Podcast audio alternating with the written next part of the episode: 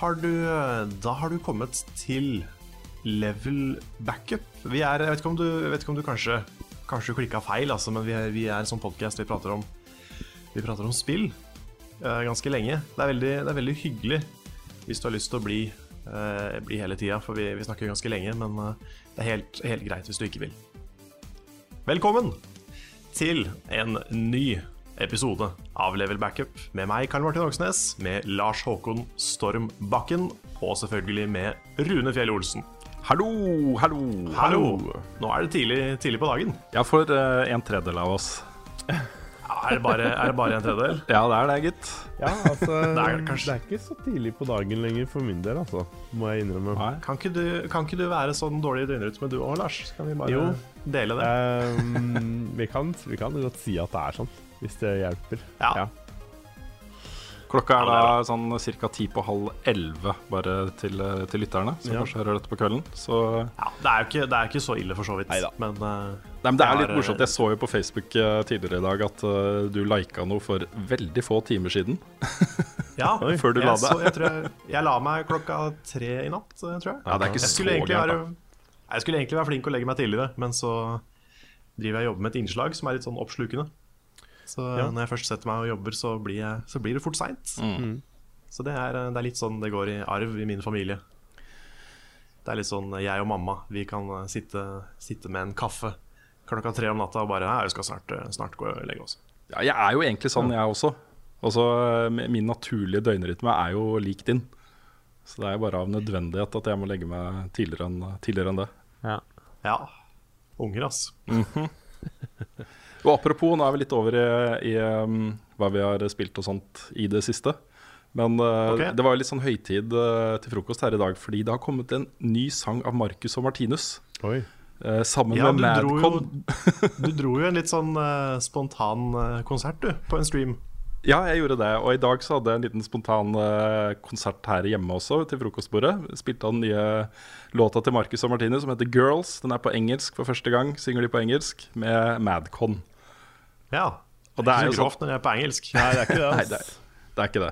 Nei, Jeg skal ikke snakke lenge om det, men, øh, men øh, jeg vil si to ting. Det ene er at jeg syns de er uh, veldig kule og så veldig flinke folk. Og det andre er at nå blir de superstjerner. Det, det kommer til å være liksom side opp og side ned i alle aviser og på nett og overalt. Uh, nummer én på Billboard og Aha. i England og sånne ting. Det, de, det er proffe folk, altså. Men altså, det er ikke meningen å dra dette her ut. Men uh, jeg, har jo, jeg har jo ikke noe forhold til de. Jeg vet ikke hvem de er.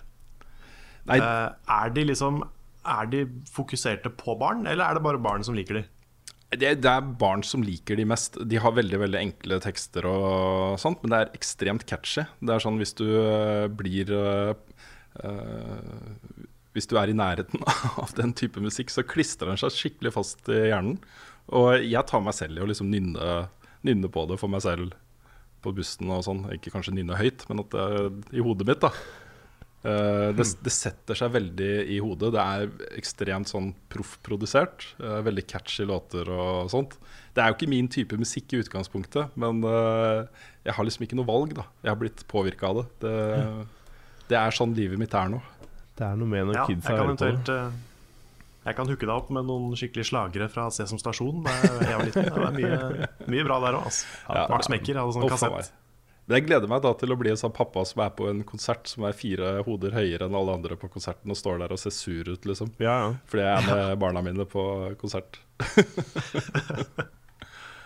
Ja, Eh, ja. ja. Men så har det også kommet et ny, eh, nytt album av Kvelertak og Kent og High As A Kite, så jeg skal kompensere uh, utover dagen.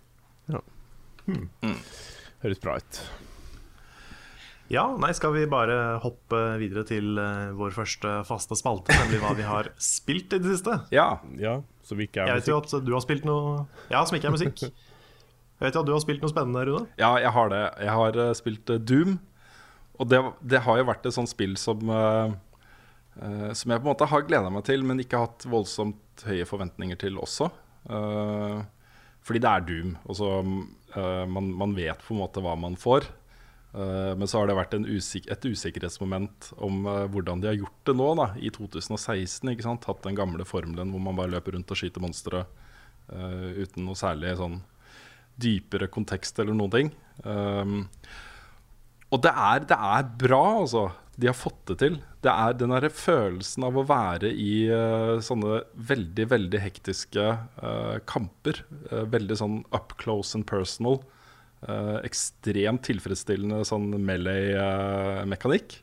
Hvor når du har liksom godgjort fiendene litt, skutt et par skudd i dem, og sånn, så begynner de å lyse, og så kan du ta et skikkelig brutalt melee-angrep. Det går så fort, og det er så tilfredsstillende. Jeg vet ikke helt hvilket ord jeg skal bruke. Men, uh, men, det er gøy. Det er bare gøy. Og ja. Jeg koser meg veldig med det. Mm. Ja, jeg har sett litt gameplay fra det. Det ser, det ser sånn ordentlig gøy ut. Litt sånn party-shooter, på en måte. Ja, fordi Selv om du spiller mye aleine, så er det liksom Det er litt sånn good times, rett og slett. Ja, for det er så mange skytespill som har blitt så komplekse, liksom. Så mye å tenke på. Du må liksom spille det en god stund for å eh, få alle de forskjellige mulighetene du har under huden, og ikke tenke på det. Uh, og så blir det jo litt sånn, uh, når du ikke tenker på det, så blir det jo litt sånn som Doom, da. Men, men det, er, det, det, føles på en måte litt godt å få den throwbacken til gamle dager. Hvor det er deg, og det er våpenet ditt, og det er fiender, og de skal skytes, og that's it, på en måte. Uh, og da er det jo sånne ting som level design og, og pacing og uh, regi på når monstrene kommer, og hvordan de ser ut, og hvordan de er og oppfører seg, og sånne ting som betyr noe. Uh, og der er nye Doom veldig bra, altså. Det, det, er lagt ned veldig mye arbeid i en, å få til en skikkelig fin flyt. og så er det masse hemmeligheter. Så du, du får det der utforskingsmomentet på toppen av det som, som er veldig kult, altså. Hvor du plutselig finner en luftsjakt. Eh, Oi, der kan jeg gå inn, og så der inne er det da en secret. ikke sant? Mm. Ja, det er stilig. Det er veldig mange shooters som har blitt veldig lineære, så det, det, er nice. Ja, det er jo for så vidt ganske lineært fortsatt, men, uh, men, det, men, det, er noe med den følelsen av å OK, du har akkurat knerta x antall fiender. Uh, du får opp den der checkpoint-greia som viser at nå kommer det ikke flere fiender akkurat her. Prosit. Mm -hmm. Ja, sorry. Uh, og så er det sånn, bare kikke rundt. Uh, er det noe her som Hvordan kommer jeg videre? Uh, Sorry. Ja, OK, prosit. Ja, det er sånn morgenis. så det blir litt sånn puzzle-element da oppi all skytinga som, som kler spillet veldig godt. Mm. At du får de lille avbrekkene som, som er veldig fine. Ja. Og så er det veldig kul musikk, veldig kul, kul visuell stil på det. veldig kul Uh, og så storyen er jo veldig basic. Du er på Mars. Uh, du har forska på liksom hvordan utnytte ressurser fra helvete, faktisk helvete, liksom, uh, til menneskehetens beste. Og så har det gått gærent, selvfølgelig. og så er det noen og 60 000 casualties, og mange av de har blitt monstre. Og det er liksom altså, Det er på det nivået der, da. Okay. Men, men det, ja. det, bare er noe med det som føles riktig allikevel. Det, mm. er, det føles digg. Ja. Det er det som er sånn metal. Ja, ikke sant? jeg så en video Ja, men det er sas. Jeg så en video her av en som hadde runda det på sånn Ultra Nightmare, heter det det? Ja. Uh, uten å dø. Og mm. um, det så ganske kaotisk ut til tider. Ja, det er også en som har rast gjennom på, på Ultra Nightmare på 62 minutter, tror jeg det var. Eller 69, eller noe sånt. Wow. Så men dette er jo Apropos, har, dere, har dere sett den videoen til Polygon? Nei. Nei. For den er altså det er, det er, slemt å si det. Men jeg har aldri sett noen spille så dårlig. For det, det, er en sånn der, det er en sånn upload av de første 30 minuttene av spillet. Mm. Og jeg vet ikke hvem de har fått til å spille de 30 minuttene, men de kan jo aldri ha rørt et skytespill før. Og det er så morsomt. Så det anbefaler å finne. oss. jeg trodde jeg var dårlig i shooters Pocket ja, men det skal jeg sjekke ut. fikk litt mer selvrespekt etter at jeg så den. ja, det, det, er noe med de kampene, fordi de, de er veldig sånn arenabaserte. Uh, alle kampene kommer inn i et område som har en viss layout. Uh, sånn vertikalt og horisontalt, og ganger og sånt. Og så har du masse, masse fiender. Og det blir en litt sånn, der, sånn voldsballett, altså en dans, for det går, det går veldig fort. Mm. Uh, og det er veldig direkte. Og du står altså, Veldig mange skytespill i singleplayer handler om å komme inn i et nytt område, og så finner du der på en måte en knaus eller et eller annet å gjemme deg bak, og så peprer du Skyter du fiender fra litt avstand og er litt sånn taktisk og sniker deg rundt og sånne ting. Eh, bruker mye cover.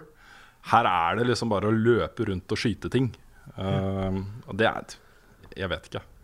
Det, det føles ut som det er et spill som kommer til riktig tid nå.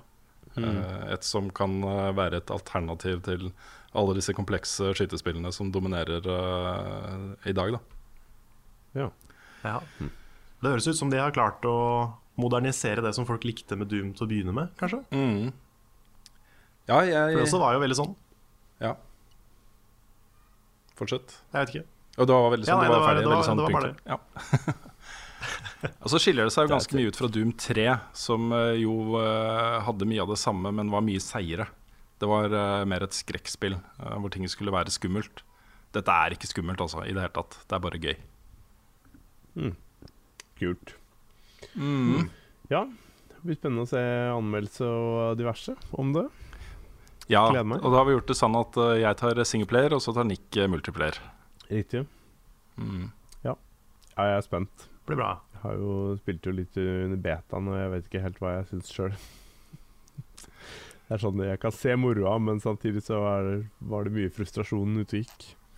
Mm. Ja, for du og Nick hadde jo litt forskjellig opplevelse der. Ja, det var vel basically fra den ene enden av skalaen til den andre. Så um, Det var, det, akkurat det var så morsomt, det videoen. Fordi du var sånn der Ja, hva skjer her? Oi, oi, oi, oi, oi. Mens Nico var sånn der Boom, headshot! Boom, headshot! Og bare løp rundt og moste ned alt, liksom. Ja, det er sant, ass. Ja, det var, um, det var Det var uvant for min del å spille et sånn type spill. Jeg syns Mm. movementen var helt annerledes av hva jeg har vært borti noe annet første Eller FPS, da. Så Ja, for den er ganske mm, Det er jo en sånn ting som kan, eh, som kan ha ganske mye å si, særlig multiplayer. Da, for folk er jo vant til Doom-fysikk og sånne ting. Og dette er en helt ny type fysikk, hvor du ikke kan dobbelthoppe og, Ja. eh, og sånne ting. Du, det er, du kan hoppe veldig uh, lavt.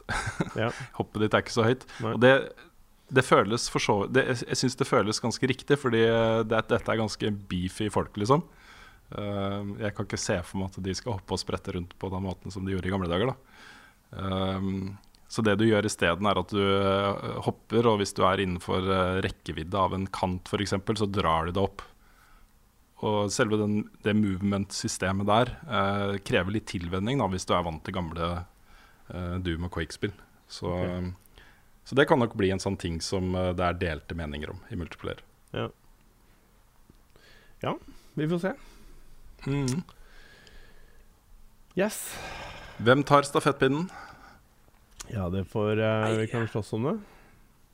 Skal vi gjøre det? Eh, Jeg vet ikke. Vi kan ta stein, saks, papir. Ja, du mener det? Ja. Vi sitter da på Discord nå, så vi er jo som over Discord. Ja, ikke sant? ja, vi, gjør det, gjør det, så sier dere det. Ja, ok, greit. Ok, Ja. ok da, da må vi si sånn 3, 2, 1, og så sier vi hva vi Ja. tar.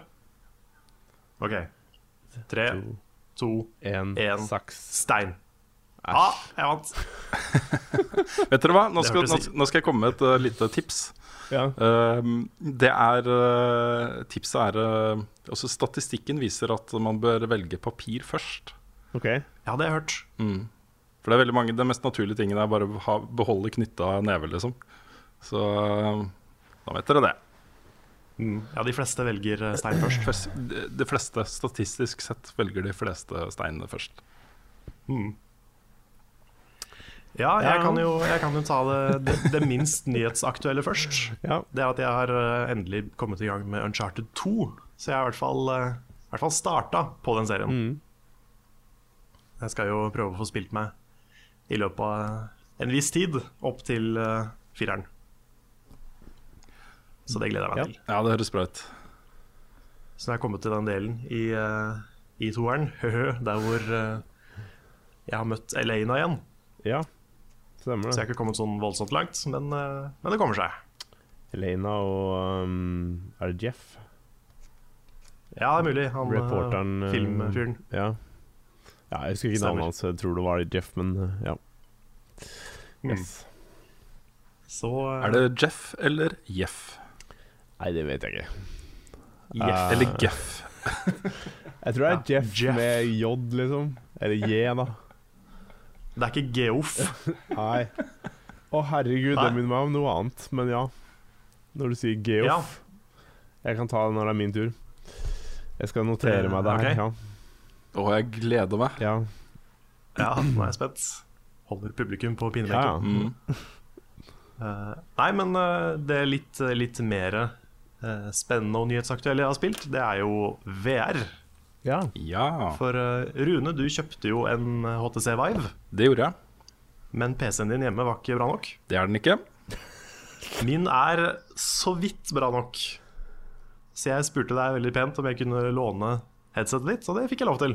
Ja, det er jo for så vidt ikke mitt, mitt headset. Dette er jo uh, ting jeg kjøper for, eh, for uh, den etableringsstøtten som jeg fikk fordi jeg hadde vært lenge nok i VG til å kunne få det. Å ja, ok. Jeg trodde du kjøpte det til deg sjøl, jeg. Nei, nei, jeg handler, eh, også de pengene har jeg brukt til å kjøpe inn sånne ting som vi trenger i firmaet. Uh, Aha, og så det er, det er et level up-headset? det er et level up headset. Ja, ok. Ja, men da føler jeg meg litt mindre dusj som Ja, spurte. det er jo sånn i, um, i praksis, inntil videre i hvert fall, inntil uh, vi, kan jo se på, um, se på liksom overføre de tingene jeg kjøper inn. Fordi kamera også er jo egentlig mitt privat. Uh, Jeg må jo skatte av de pengene. Så jeg har jo betalt masse, masse, masse tusen kroner for det utstyret her. Så, uh, Ja. så vi, vi får se på det. Men, uh, men tanken er at Det- det er firmaet sitt. Ja, ja de tinga der kan vi jo, kan vi jo ta på kammerset. Ja, vi trenger kanskje ikke å ta det over podkasten. Ta ta det live, eller ikke live, men ta det på opptak. Ja, ikke sant? Men det, det ordner vi. Men i hvert fall da, så har jeg fått testa litt eh, diverse spill. Eh, Jeg har testa The Lab fra Valve. Jeg har testa Fantastic Contraption, som det heter. Og så vidt testa Job Simulator, så skal jeg prøve et par til. Mm. Og det er, eh, det er, det er spennende, altså. Ja, det er kult. Det er, jeg har ikke fått testa det ennå selv, men det er morsomt å se på folk teste det. Det er liksom Det er halve moroa, det nå. Ja, jeg jobber jo med en sånn eh, mini-VR-serie som skal gå på kanalen eh, nå. Første episode kommer ut enten i dag eller i morgen, tenker jeg. Hvor eh, jeg skal gå gjennom først eh, se litt på headsetet, og så se på det som finnes av spill. Da, for å se om liksom, er det verdt å hoppe inn i VR nå, eller burde man vente. Ja, Er det verdt å hoppe inn i VR nå, eller burde man vente? Ja, skal jeg ta det nå? Ja, Vi kan jo snakke litt om det. Vi kan, vi kan prate litt om det. Um, jeg syns teknologien er liksom Det HTC Vive gjorde for meg, da, det var å bevise at VR har noe for seg. På en måte. Mm. For det var dritkult. Du fikk den der følelsen som alle prater om, at du, du følte at du var der. Du følte at du hadde vært på tur, liksom. Mm. Uh, og det funker. Det er kjempekult. Det er liksom Det er kanskje det kuleste jeg har sett siden spill ble 3D. Sånn i slutten av 90-tallet, liksom. Tøft. Så, så det er kjempe, kjempekult. Men jeg merker liksom etter et par dager, da, så merker jeg at jeg trenger en sånn killer-app. Fordi eh, jeg har jo spilt en del, testa litt forskjellige ting.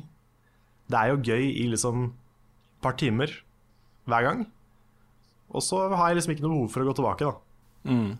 Så jeg, jeg føler at jeg må ha en eh, Jeg må ha et spill eller en opplevelse som er så kul at jeg kan bruke den lenge. Da. Ellers, ellers er det en viss fare for at eh, det headsetet kommer til å bli liggende. Ja, jeg tror det er et par momenter her. Det ene er jo at øh, utbredelsen av VR-headset vil jo være ganske liten øh, en god stund. Mm. Så det å se da et studio sette seg ned og lage den killer-appen, og så selger de nesten ingenting av den, på en måte, det er en bremse da, for, for akkurat det.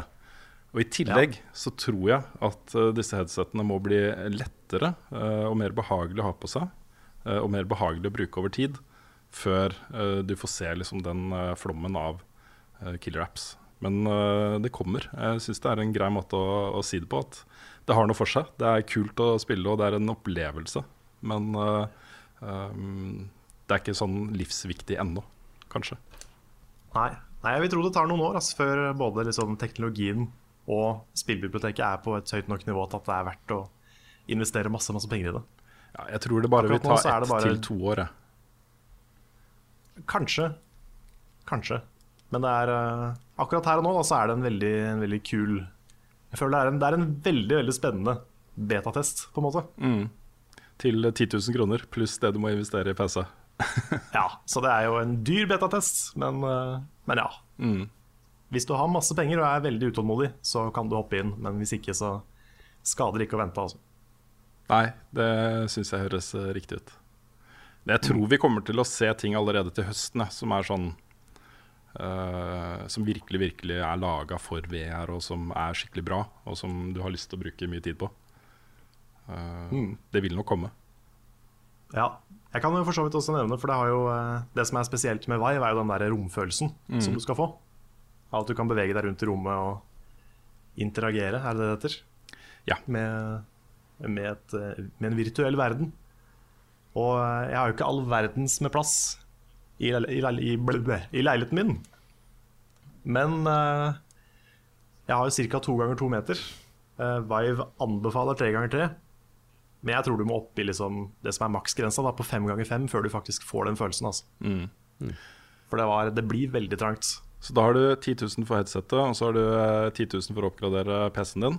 Og så trenger du du- 3,5 millioner kroner for å kjøpe en egen leilighet og ha den i. Ja, hvis du bare, Den husleia du har nå, bare pluss den, hvis du dobler den, Ja. så har du kanskje, kanskje råd til et sted som har så mye plass. Mm. Eller bare, bare- Hvis, du ikke bruker, hvis ikke du bruker det til noe annet. Men i Japan vet du, så sover de på sånne tatami-matter som de ruller sammen og så le- legger inn i skap og sånt eh, på dagen. Så Det er jo en mulighet. Ja, bare konvertere soverommet ditt, ta bort den store Jensen-madrassen og skapene og sånt, og så bru- bruke tatami-matter isteden. Mm. Det kan du gjøre. Eller sånn, der, sånn seng som eh, du kan løfte opp, og så går den inn i veggen. Ja, det er lurt. Sånn som i James Bond. Mm. Og, Det- og eh, Den rosa panteren. Ikke minst. Ja. Skal, hvis alle møblene dine er sånne, Mm. at TV-en går inn i veggen, alt går inn i veggen, så, så er det perfekt for VR. Det er ikke så mye som skal til, du må tenke litt positivt. Men også, det er et poeng, da. Jeg, jeg, jeg, jeg tror liksom at fordi uh, det med å kunne bevege seg rundt i et uh, rom med en viss størrelse i VR, vil jo alltid være viktig. Med mindre du får sånn derre uh, maskin som du går i. Det fins jo, jo det også. Mm. Så det vil nok eh, bli ganske vanlig det tror jeg, for folk som er veldig eh, inne i VR, å lage den type løsninger i, hjemmet sitt. Fordi man har jo ikke den type plass tilgjengelig, stort sett. Noen har jo garasjer og eh, hobbyrom og sånne ting, men ikke hvis man bor i byen, som regel. Nei. Det blir et marked. Nei, definitivt. her er, dette er en businessmulighet, altså. Ja. Men det er jo mye av dette her også som gjør at det kommer til å ta litt tid. For det er jo ikke praktisk for en femmer akkurat nå Nei. å bruke VR. Nei. Så det, det vil nok ta litt tid, altså, det tror jeg. Mm. Men det er, det er en lovende start, og det er, eh, som jeg sa litt tidligere, så er det, det er et bevis på at det er noe her. Mm. Det er først og fremst det jeg sitter igjen med etter å ha testa litt. Mm. Jeg, kjenner at det, det jeg har litt lyst på, det er å bare ligge i sofaen eller senga og spille VR. Altså bare ligge der og være der, liksom. Spise Ja. sjokolade og drikke cola. Og, Men Det, det kan jeg for så vidt det kan jeg nevne, da, fordi det er jo en sånn uh, liten demo inni The Lab som heter Solar System. mm, Hvor du bare Du kan gå rundt og liksom utforske solsystemet. da ok. Og det er veldig enkelt. Det er ikke noe interaktivitet. Du kan liksom sjonglere litt med planeter hvis du vil, men det er bare det. Og det var sånn derre Når jeg så det i VR for første gang, så var det litt sånn oi. Og så bare gikk jeg litt rundt. Og så endte opp med at jeg liksom bare satte meg ned på gulvet og kikka litt rundt. Og bare følte meg som en sånn buddhistisk munk. Mm. Så det var, det var egentlig ganske ålreit. Sånne ting er jo litt Det er jo noe der òg. Det er det, altså. Det som blir liksom en utfordring her, det er jo eh, Ok, hvis du skal bare sitte stille et sted eller ligge og spille, så vil du ikke få det Altså, det vil føles rart da, å bevege seg i disse virtuelle verdenene. Så det jeg tror Ja, folk kommer til å gjøre, det er jo å lage sånne eh, I spillet, da, så sitter de i en sånn derre Du vet sånn uh, kjørestoler som amerikanerne bruker og sånne ting. Altså, du, du, Ja, sånn som de er der svære fast. folka i Las Vegas. Ja, sånne, Ja. eller sånne sveveting, liksom, også sånne hoverboards og sånt som du gjør at du faktisk kan stå stille, men i, det er riktig da, i, i kontekst av denne spillverden Mm. Ja, det, det er nok et eh, godt poeng. Ja, for det var det jeg tenkte på. Hvis du bare skal ligge, vil du ikke bare se taket, liksom? Da i det Eller Ja, men Man kan ligge oppreist. Ikke sant? At eh, overkroppen er uh, i 90 grader. Ja, ellers så må du ha et eller annet program da som klarer å vri verden til at stående er liggende, liksom. Ja. Mm. Eller så kan du lage Dream Simulator, hvor du bare kan ligge og se opp i taket, og så, blir det, så skjer det ting. Åh, ja. Det Ja. høres behagelig ut. Slipper å trykke på knapper, du kan bare ligge og Mm. slappe av. Mm. Sånn glorifisert screensaver. Mm. Nei da, men uh, Nei, det er, mye, det er mye spennende som kan gjøres med VR. Og jeg er uh, Jeg har i hvert fall veldig lyst til å være på og dekke det mens det skjer. Mm. Mm. Så det er, eh, det er gøy. Gleder meg Så til det å er meg. Vil du uh, ta over, Lars? Ja, Hva er det med Jeff? med Jeff. Ja. Jo, jeg har spilt uh, Battleborn den siste uka. Og um, når du har snakker om Jeff, så bare minner meg om at uh, du møter en sånn herre edderkopp, mekanisk edderkopp av noe slag, som heter Jeff, og som er veldig sånn derre eh, Veldig tullete i måten han snakker på. Han skriver Jeff med G-E-O-F-F, da. Um, så ja. Det var, bare, det var egentlig bare det, rett og slett. Men um, Han er liksom claptrap, uh, men for Battleborn. ja På en måte. Han er liksom Det er en sånn miniboss av noe slag. Du fighter liksom i, i, i denne story-moden, um, som jeg syns er ekstremt Hva skal vi kalle det? Generisk. Um, Mm. jeg, jeg sliter med humoren i det spillet her. Eh, for jeg syns den er så Den er så påtatt, rett og slett. Um, Er det, er det utdatert til memes, på en måte? ja, det er jo jeg, det hørt, også. jeg har hørt noen si det. Ja, det er jo det også. da Nå er ikke jeg så god på alle disse utdaterte memesa, men uh, det skal jo være noen der. Og humoren generelt er litt sånn Jeg veit ikke, det skal være litt sånn tøysete, enkel, men det blir det, Altså, det, den faller ikke hjem hos meg, i hvert fall. Jeg veit ikke om det er bare jeg som er kjedelig, eller hva det er, men um, det er sånn du sitter og facepalmer, liksom. Mens du, Mm. mens du hører eh, ting som blir sagt. Men uh, når det er sagt, så, så er det tidvis ganske morsomt å spille det spillet. Jeg har sett flere har slitt med lyden i det spillet, og det tror jeg at jeg Eller altså, jeg gjør det sjøl. Jeg vet ikke hva det er, om det er noe feil når det er installert på PC-en min, eller no, noe sånt, men Um, I fightene og sånn så hører man ikke eksplosjoner og skikkelig eh, Skikkelig Hva skal jeg si Ambience, hva heter det? Um, ja, lydeffekter og sånne ting som er rundt, da. Så når du sitter og spiller, så hører du bare pew-pew fra gunneren din. Og så Det blir litt sånn tafatt og tamt uh, og veldig stille. Så jeg veit ikke om det er en generell, et generelt problem, eller om de har justert lydnivåene helt feil der. Men um, jeg har prøvd å fikse det, men får det ikke til. Så jeg håper at de fikser det. Uh, utover det, Mm. så ja. Nei, det er, det er morsomt, eh, og det er definitivt ting der. Men jeg veit ikke om det kommer til å kunne slåss godt nok med x antall andre FPS eller are arena shooters. Jeg vet ikke. Nei, jeg har jo ikke spilt det selv, men eh, jeg registrerer jo at det er mange som, som eh, ytrer eh, den samme type tanker som det du gjør nå. Mm. At eh, det kanskje faller litt gjennom, satt opp mot, mot konkurransen. Ja, jeg vet ikke helt hva det er som gjør det heller. Jeg, um, jeg har vært veldig fan av Borderlands og den grafiske stilen der. Um, Battleborn er på en måte en mellomting mellom, mellom tegn... Altså Eller mellom Borderlands og en eller annen slags annen stil. Så litt sånn identitetskrise for dem der, virker det som også. At ikke de helt vet hvilket univers dette her skal være. Mm. Eh, Jeg veit ikke. Eller at de har prøvd seg for mye å være, å være Borderlands, da. Men ehm,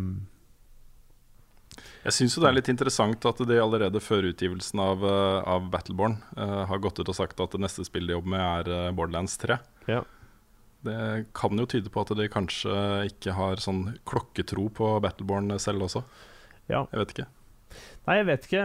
Og så syns jeg det er ekstremt komplisert uh, level up-system. Og det jeg, har, det jeg har størst problemer med her, er at uh, når du leveler opp på sånne ting, så får du tak i bedre og bedre gear som gjør deg bedre. Og det er når du møter folk som ikke har det gearet du har, eller du møter folk som har mye, mye bedre gear enn deg, så er det liksom det er ikke pay to win, men det er rank to win. da Altså De som har spilt en god stund, har både Uh, en fordel fordi de har fått bedre gear, um, og fordi de har fått uh, eh, Altså de, fordi de har fått trening, da. Det er en sånn ting som man ikke kan ta med i selve beslutninga, eller selve vurderinga, men um, ja.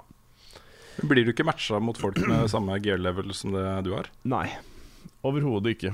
Det er jo kjempe... Jeg har spilt flere matcher hvor jeg har blitt ranka med folk som er mye høyere rank enn meg, og hvor, jeg, hvor vi sitter her og spiller og bare har, vi har ikke kjangs.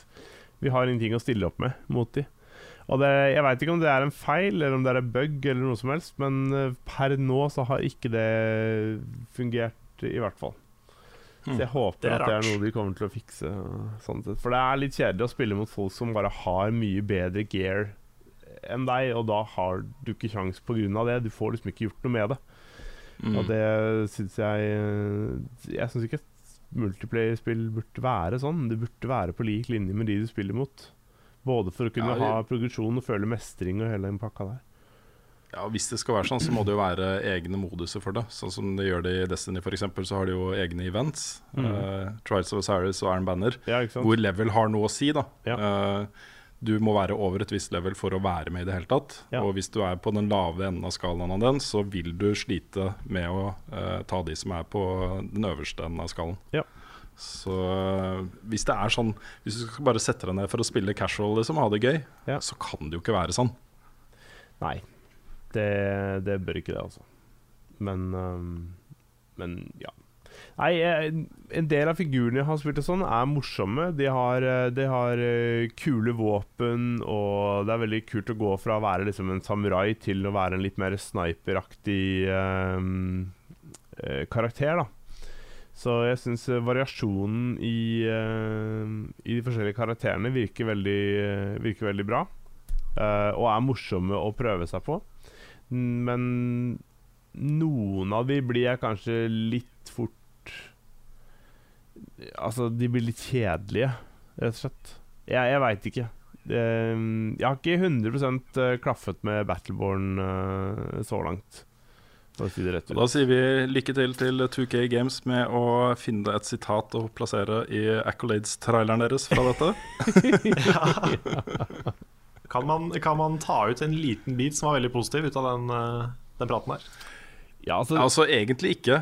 Nei, altså det, det, er liksom Du kan spleise. Så, ja, det er så nære da på å være gøy og bra, uh, men så er det liksom Gøy og bra. De, de, ja.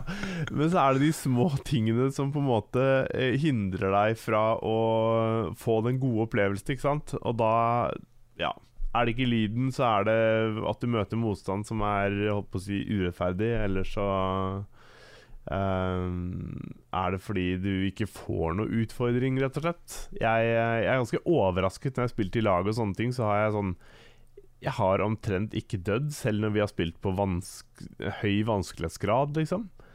Så Jeg vet ikke om det bare betyr at jeg er insane god, eller om spillet bare ikke gir meg noe utfordring på det. Ja. Hmm. Så uh, Lars Håkon Koland det er så gøy og bra. ja. Ti av ti. Vi skal gå gjennom ukas viktigste nyhetssaker, og vi kan jo begynne med noe som jeg sa eh, dessverre nei til å være med på. For det har vært et event i London hvor, eh, hvor eh, Grand Turismo Sports har blitt eh, vist fram skikkelig for eh, første gang. Um, vi fikk tilbud om å være med der, men jeg sa nei fordi vi ikke fikk intervju med Yamauchi én-til-én-intervju, og da er det på en måte ikke noe vits å dra. Uh, men Grand Turismo Sports er da uh, kjent fra før, men det er første gang det er vist fram. Uh, og datoen er nå satt til 18.11. Uh, og dette er jo, hva skal man si forsøk på å gjøre det til en, en e-sport. Det virker som om det, det største og viktigste delen av dette spillet er online-delen, hvor det vil være daily eh, races og eh, større events da, som du kan melde deg på og være med på eh, mens du spiller. Hmm. Så Hvordan gjør man et spill til e-sport? Det, lar det seg gjøre, liksom? Er ikke det mer en sånn community-ting? Ja, også man kan jo tilrettelegge for det ved å ha liksom ranked matches og, og leaderboards og turneringer med pengepremier, f.eks. Uh, spectating. Altså alle de tingene som gjør det interessant å både se på og være med. da. Uh, hvis, man, hvis, hvis man bygger opp et system for det, så, så er det i hvert fall mulig at det kan bli en, en populær e-sport. Uh, men populariteten er det jo spillerne selv som, som bestemmer, da. Så hvis ingen spiller det, så er det jo per definisjon ikke noen e-sport, kanskje? Jeg vet ikke. Nei? Men Gran Turismo har jo mange fans, og jeg har jo tro på at dette kan bli en ganske kul, uh, kul greie. Det som, eh, eh, det som jeg ser en del rapporterer om på nettet nå, er at det, de er litt skuffa over at Også etter å ha testa i London, er at de er litt skuffa over at det fortsatt er bare, bare i anførselstegn Gran Turismo. Eh, at de ikke har tatt noen grep for å nærme seg f.eks. Forsa um, på litt den derre actionfølelsen. Altså Gran Turismo er jo et simulasjonsspill, og det skal, skal ikke være sånn superfancy og rock'n'roll, liksom. Men at det føles litt sånn kjedelig, kanskje, sammenligna med en del andre bilspill. Jeg vet ikke. Hmm. Jeg har ikke peiling, jeg har ikke spilt det, så Nei, jeg er jo, jeg er jo veldig glad i bilspill, og, og den type utvikling er eh, veldig kul. Eh, Jeg tror at bilspill kan egne seg godt som en e-sport. Hmm. Um, og jeg tror at vi kommer til å se ganske mye av det framover. Den type uh, tilnærming til det å lage bilspill. At det er online-turneringer og ligaer og uh, leaderboards og uh, rundetider og sånt som, som er uh, det aller viktigste. Mm. Så det tror jeg nok er riktig vei å gå. Og det virker jo som om de er inne på et eller annet her, fordi det er uh, 137 forskjellige biler. Det er 19 forskjellige lokasjoner, og det er 37 uh, banelayouts. Så det er, det er mye her, på en måte. Og, og hvis disse eventene og turneringene og daglige eventsene og sånne ting er bra og morsomme og, og intense, så, så vil det nok resonnere med en del folk, tror jeg. Altså. Ja. Så vi får se. Mm. De møter jo veldig skarp konkurranse fra Project Cars og Forza og en del andre ting, så det er nok ikke lett å etablere seg som, eh, som det ledende e-sportspillet på, på bilspillfronten, tror jeg. Nei. Nei. Nei, litt sånn Apropos VR, så har jeg hørt at Project Cars er jo the shit, visstnok, i det. Mm. Bilspill egner seg veldig godt, og det er litt tilbake til det vi snakka om tidligere også, for du sitter i en bil. mm. Så hvis du har f.eks. Uh, hvis du har en eh, bilspillstol med ratt og pedaler og sånne ting, så er skillet mellom deg og spillet er veldig liten. Da. Det, det føles veldig som om du er der. Ja. ja, De vi deler kontor med, er jo helt frelst på det. Ja, det er det. De har satt opp Project Cars moro. med maks simulasjonsinnstillinger, så det er jo kjempegøy for eh, folk som ikke er så gode i bilspill. Mm. Greit, vi kan hoppe litt videre til en nyhet som ikke er så veldig uventa. Og det er jo at eh, Batman Arkham Knight og Arkham City uh, skal uh, komme i Arkham, Arkham Asylum, mener du? Arkham Asylum, selvfølgelig. Arkham Asylum og City skal komme i sånn oppussa uh, pakke til PS4 og Xbox One til høsten. Mhm. Den Yes. heter Batman Return to Arkham. Uh, og er da uh, ja, bedre grafikk og sånne ting lagd for PlayStation 4 og Xbox One. Ja.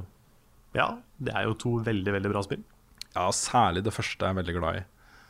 Jeg syns det at du var inne i den settingen, Arkham Asylum, med alle de gærne folka som var der og sånne ting, eh, det skrekkelementet eh, som det tilførte, da, jeg syns det var veldig kult. Så, så jeg foretrekker det. Men det er mange som syns denne åpne verdenen i Arkham City var, eh, var bedre. Så hver sin smak, kanskje. Mm. Origins er ikke med. Origins er ikke med. Det er heller ikke lagd av eh, samme studio. Um, Nei. Så det, er, eh, det var et sånt sideprosjekt som ble satt i gang for å holde, um, holde fansen varme Uh, hente ut litt mer penger fra de, kanskje. Mm. Ja. Um, PC-versjonen av Arkham Knight, ble den noen gang fiksa ordentlig? Ja, mer eller mindre i hvert fall. Jeg vet ikke om den ble 100% men uh, de tok tak i alle de verste tingene, i hvert fall. Etter det jeg har hørt. Ja, jeg har liksom hørt, uh, hørt noe hvisking om at den fortsatt ikke er helt optimal. Men ja, det jeg kan hende. Jeg, jeg er ikke sikker, altså. Så, så det kan hende du har rett. Kanskje. Kanskje de uh, lager en remastered edition som faktisk fungerer. Kanskje det. Til PlayStation 5 og Xbox 2. yes. Mm. Og så en litt morsom nyhet. Um, det har jo blitt kjent for en stund siden at, uh, at det var noen som hadde tenkt å lage film av Tetris. Og denne gangen så var alle sånn uh, OK, uh, hvorfor? Uh, og det, det har ikke blitt noe bedre etter at detaljene har blitt kjent. Fordi dette skal bli en trilogi uh, med et budsjett på 80 millioner dollar. Og alle, alle rollene skal spilles av uh, kinesere. Så det er et kinesisk prosjekt. Jeg bare synes liksom det er så mange ting å ta tak i der. Trilogi? OK, Ja. jeg vet ikke. Uansett, uansett hvor bra den første filmen gjør det, så blir det tre. Ja, det er det, det, er det de sier. Ja. Ja. Jeg skjønner liksom ikke greia. Stemmer det at det er en sci-fi-thriller? En sci-fi-thriller, det er det det skal bli. Ja. Og Tetris. Tetris, Hva er liksom plottet? Det Ja, det, er, det føler jeg er det store spørsmålet. Ja. Altså. Uh, ja, Kanskje det er sånn at okay, det kommer sånne store blokker der fra himmelen, fra aliens og sånne Ja. ting. Og så må du, må du liksom sørge for at ikke de får eh, fem rader eh, oppå hverandre som går samtidig, f.eks. For da sletter de en del av verdenen og sånn. Ja. Ja, da sletter de ved tilintetgjør det i byen. Ja. Altså, det eneste jeg kan se for meg at kunne fungert som en Tetris-film, det er jo sånn Hvis de tok den der King of Kong-approachen, Mm, at de lagde det til en sånn veldig nesten sportsfilm da, om Tetris. mm. Men det er jo ikke det de gjør. Så jeg, dette her er bare jeg, jeg, jeg aner ikke hva jeg skal tenke engang. Jeg må jo se det bare fordi sånn morbid nysgjerrighet. Åh, det, er, det kommer til å bli gøy å se det. Altså. Jeg gleder meg til å se den. Ja, og, Ja, veldig. Nei, det er morsomt av alle ting som det er mulig å lage Lage film av, så velger de Tetris. Jeg, synes, jeg skjønner jeg skjønner ikke. Jeg forstår det ikke. Nei. Du har liksom Du har The Witcher, du har Elder Scrolls. Nei, Tetris. Oi, oi, oi. Ja, ja. Ja, De kunne kanskje gjort det til en sånn jo- Witness-variant, da. Hvor du liksom hadde stadig eller større og større Tetris-utfordringer, jeg vet ikke. Uh, I en verden som, hvor det eksisterte et eller annet spesielt. Jeg har ikke peiling. Ja. Det er kanskje noe der. En kime av et eller annet. Ja. Men uh, jeg vet ikke.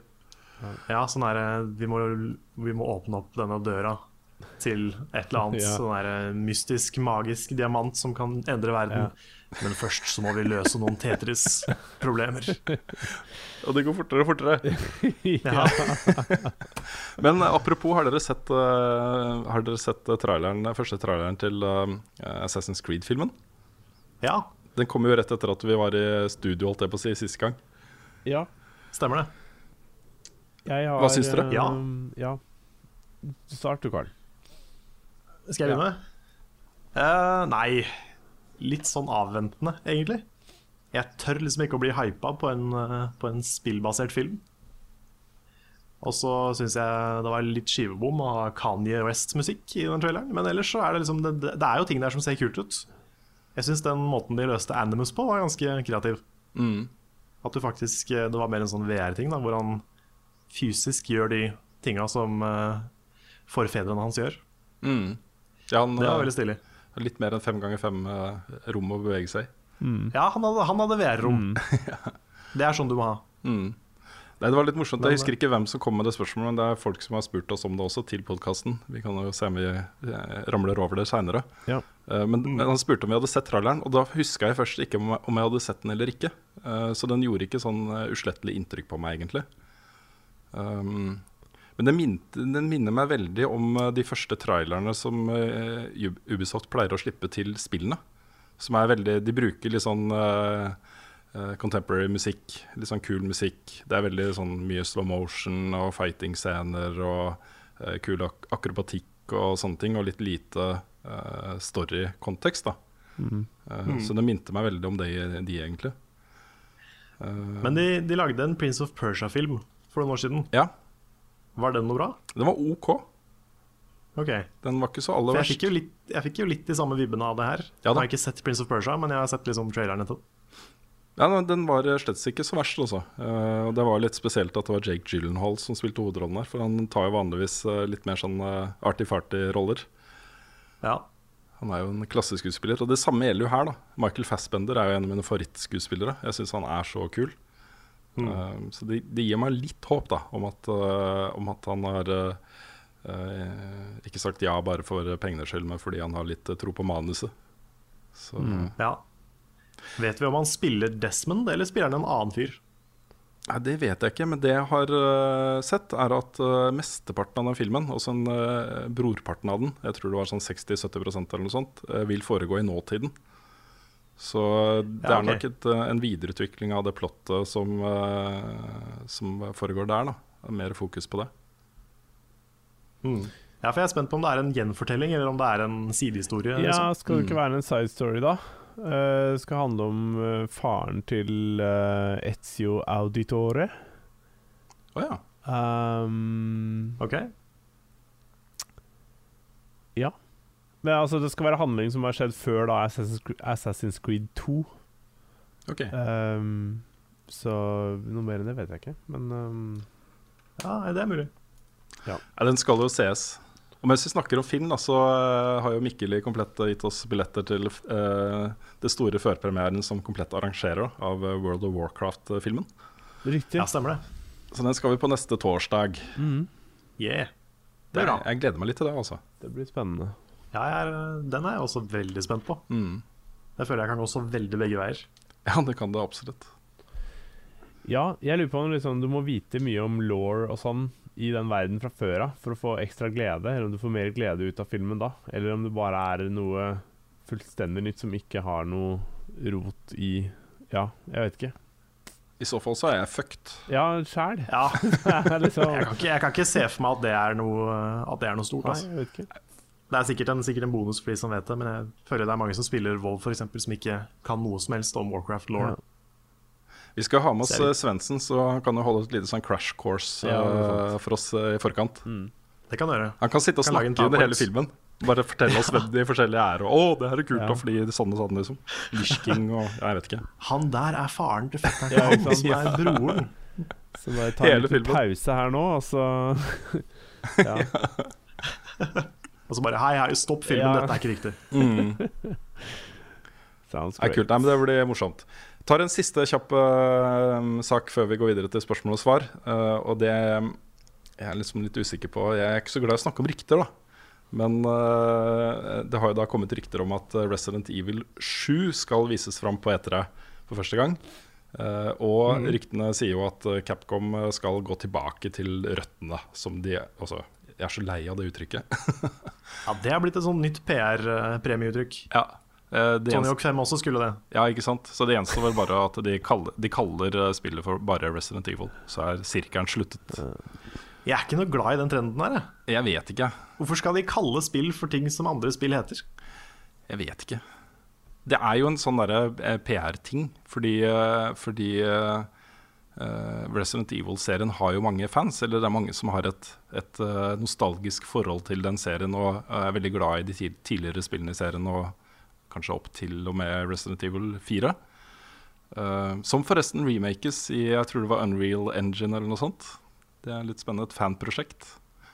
Ja, Um, men jeg vet ikke, jeg også. Eh, det er en sånn ting som er veldig lett å si, fordi det siste Resident Evil-spillet ikke fikk noe særlig god mottagelse blant fansen. At det var for actionfokusert, for lite skrekk, uh, det gikk for fort. eh, Uengasjerende, alle de tingene der, liksom.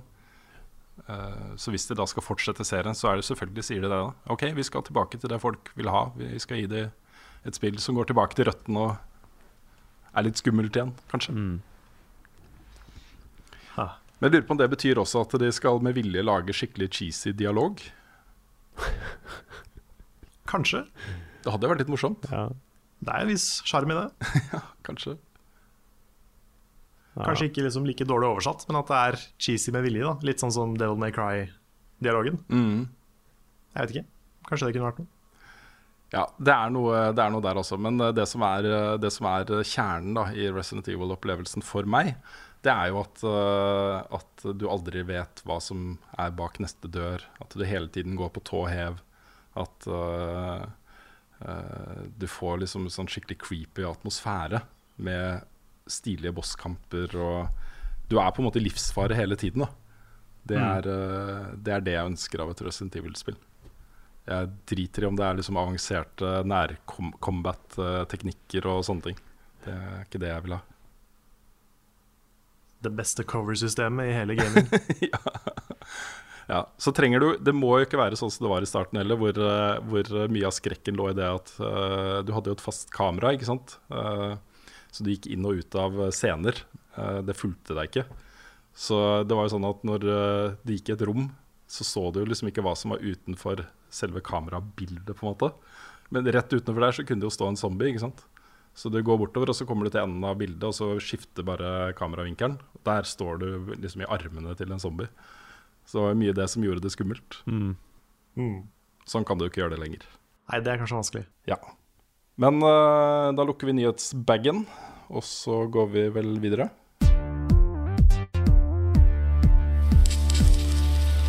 Det første spørsmålet er fra Marius eh, Johnsen på Patrion, og vi tar det fordi vi nettopp snakka om det.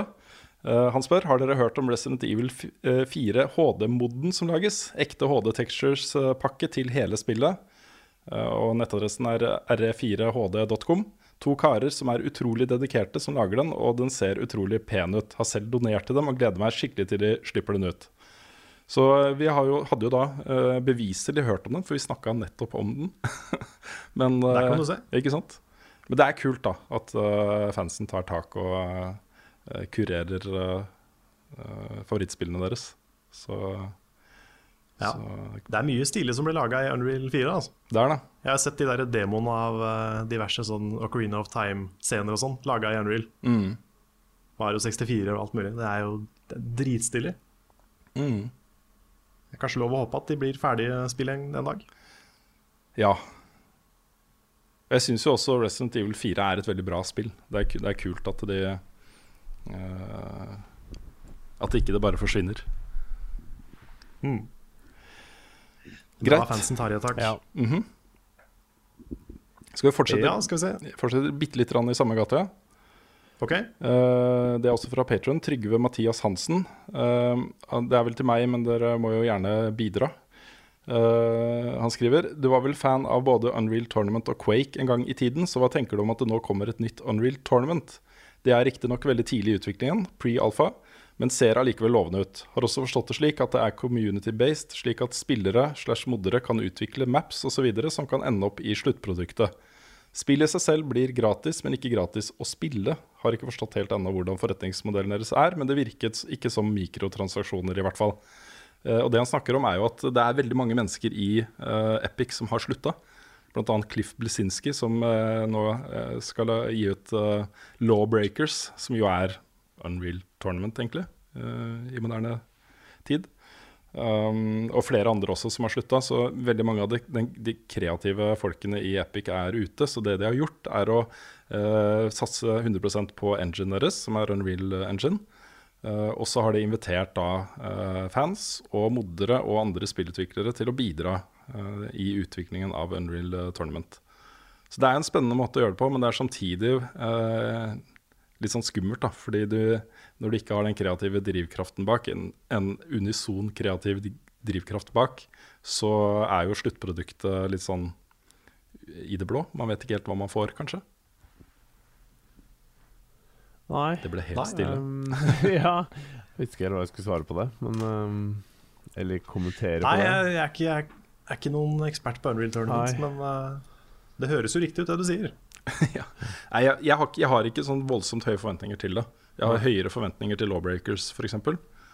Um, men, mm. uh, men jeg, er, jeg, er, jo glad for at uh, arenabaserte skytespill ser ut til å få et lite comeback. Jeg savner det. Jeg syns det er morsomt.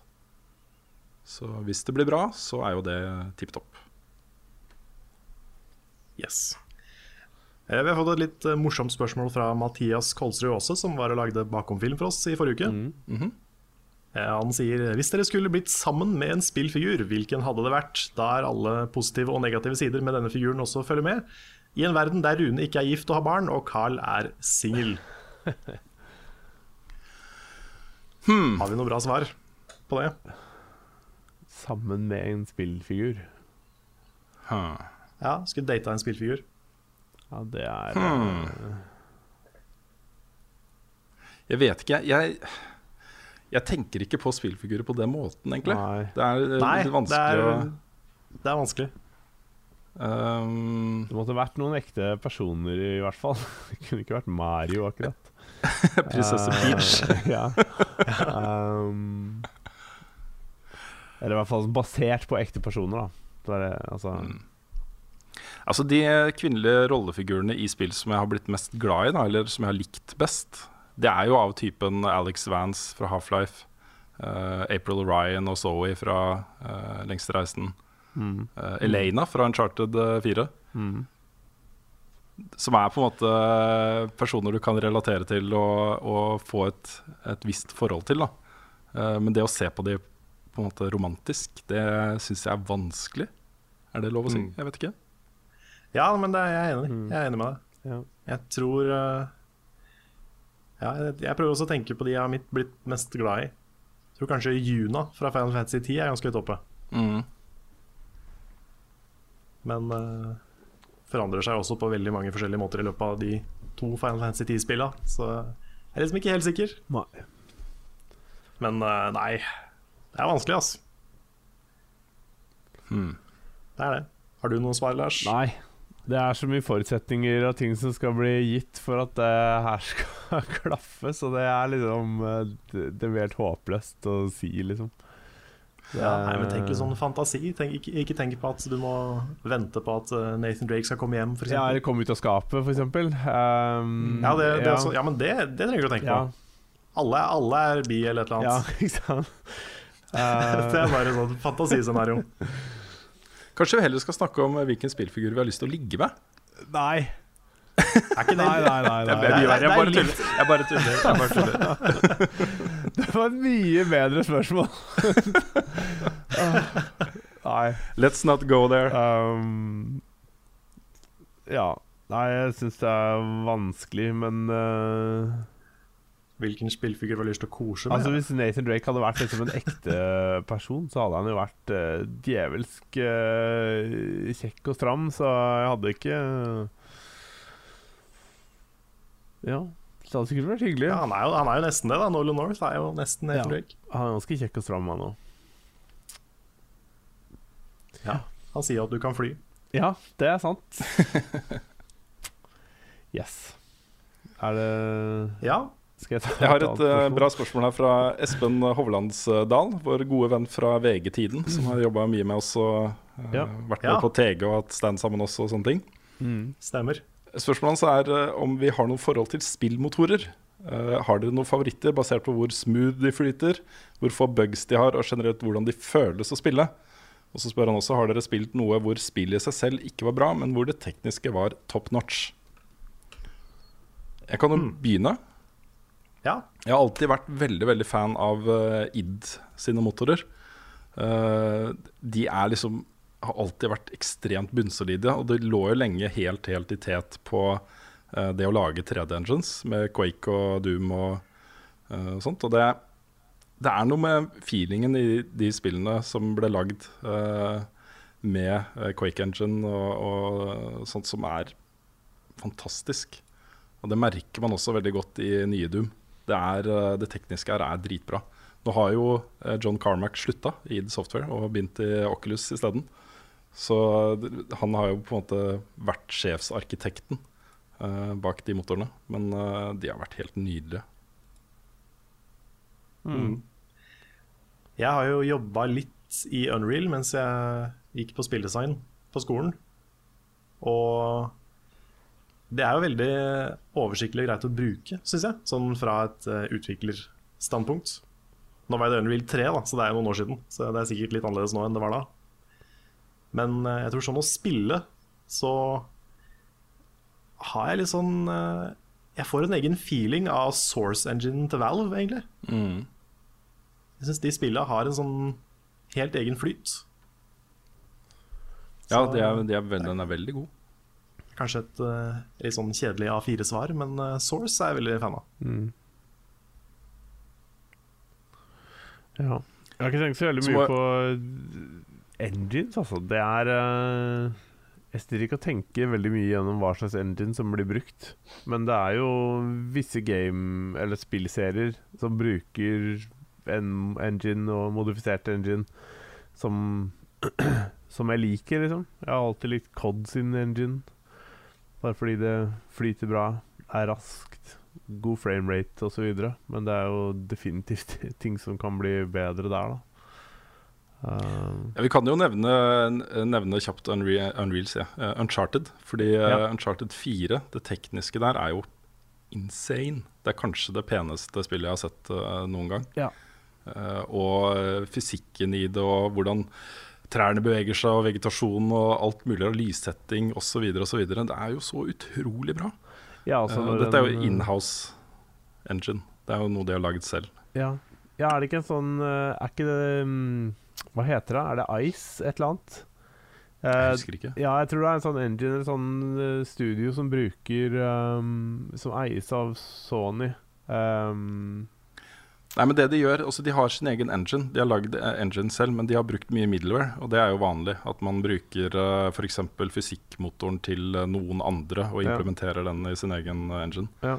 Så det er jo det å få alle disse tingene til å fungere sammen som er eh, kunststykket. Riktig. Ja. ja. Nei, altså den Den de har brukt i Uncharted og Last of Us, er jo, er jo ganske Ganske så deilig. Jeg elsker hvordan de klarer å få til et godt siktesystem i et tredjepersons skytespill. Som jeg har Mm. øh, størst problem med.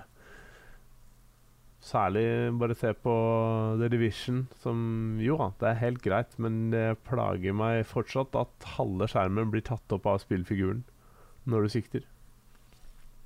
Så- Mm, Du har plass til alle musklene. Ja. ja, det er det, da. Um, men, men. Ja. Ja. Har vi et annet spørsmål? Jeg har et ren, re re direkte oppfølgerspørsmål, kanskje, Ok? fra Stian Slorby. Eh, jo, Slorby. Mm. Vil dere ha en oppfølger av eh, The Last of Us? Og ønsker dere helst en ny historie eller en fortsettelse fra det første spillet? Altså, jeg satt senest i går og så en uh, bakomfilm om eh, The Last of Us, som ligger ute på YouTube. Halvannen times uh, bakomfilm.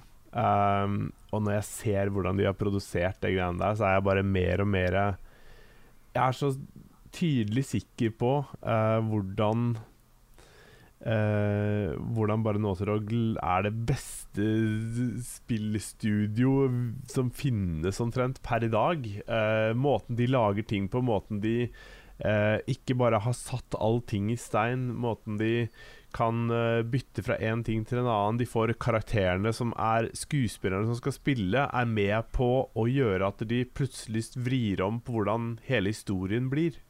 Uh, som f.eks. i The Last of Us, hvor Ellie egentlig ikke var meningen å ha så stor del av storyen, hvor, men pga. skuespilleren så ble det sånn Å ja, hun skal faktisk ta mer del i storyen. Um, ja, jeg um, Jeg veit ikke. Um, Direkte fortsettelse eller en helt ny historie?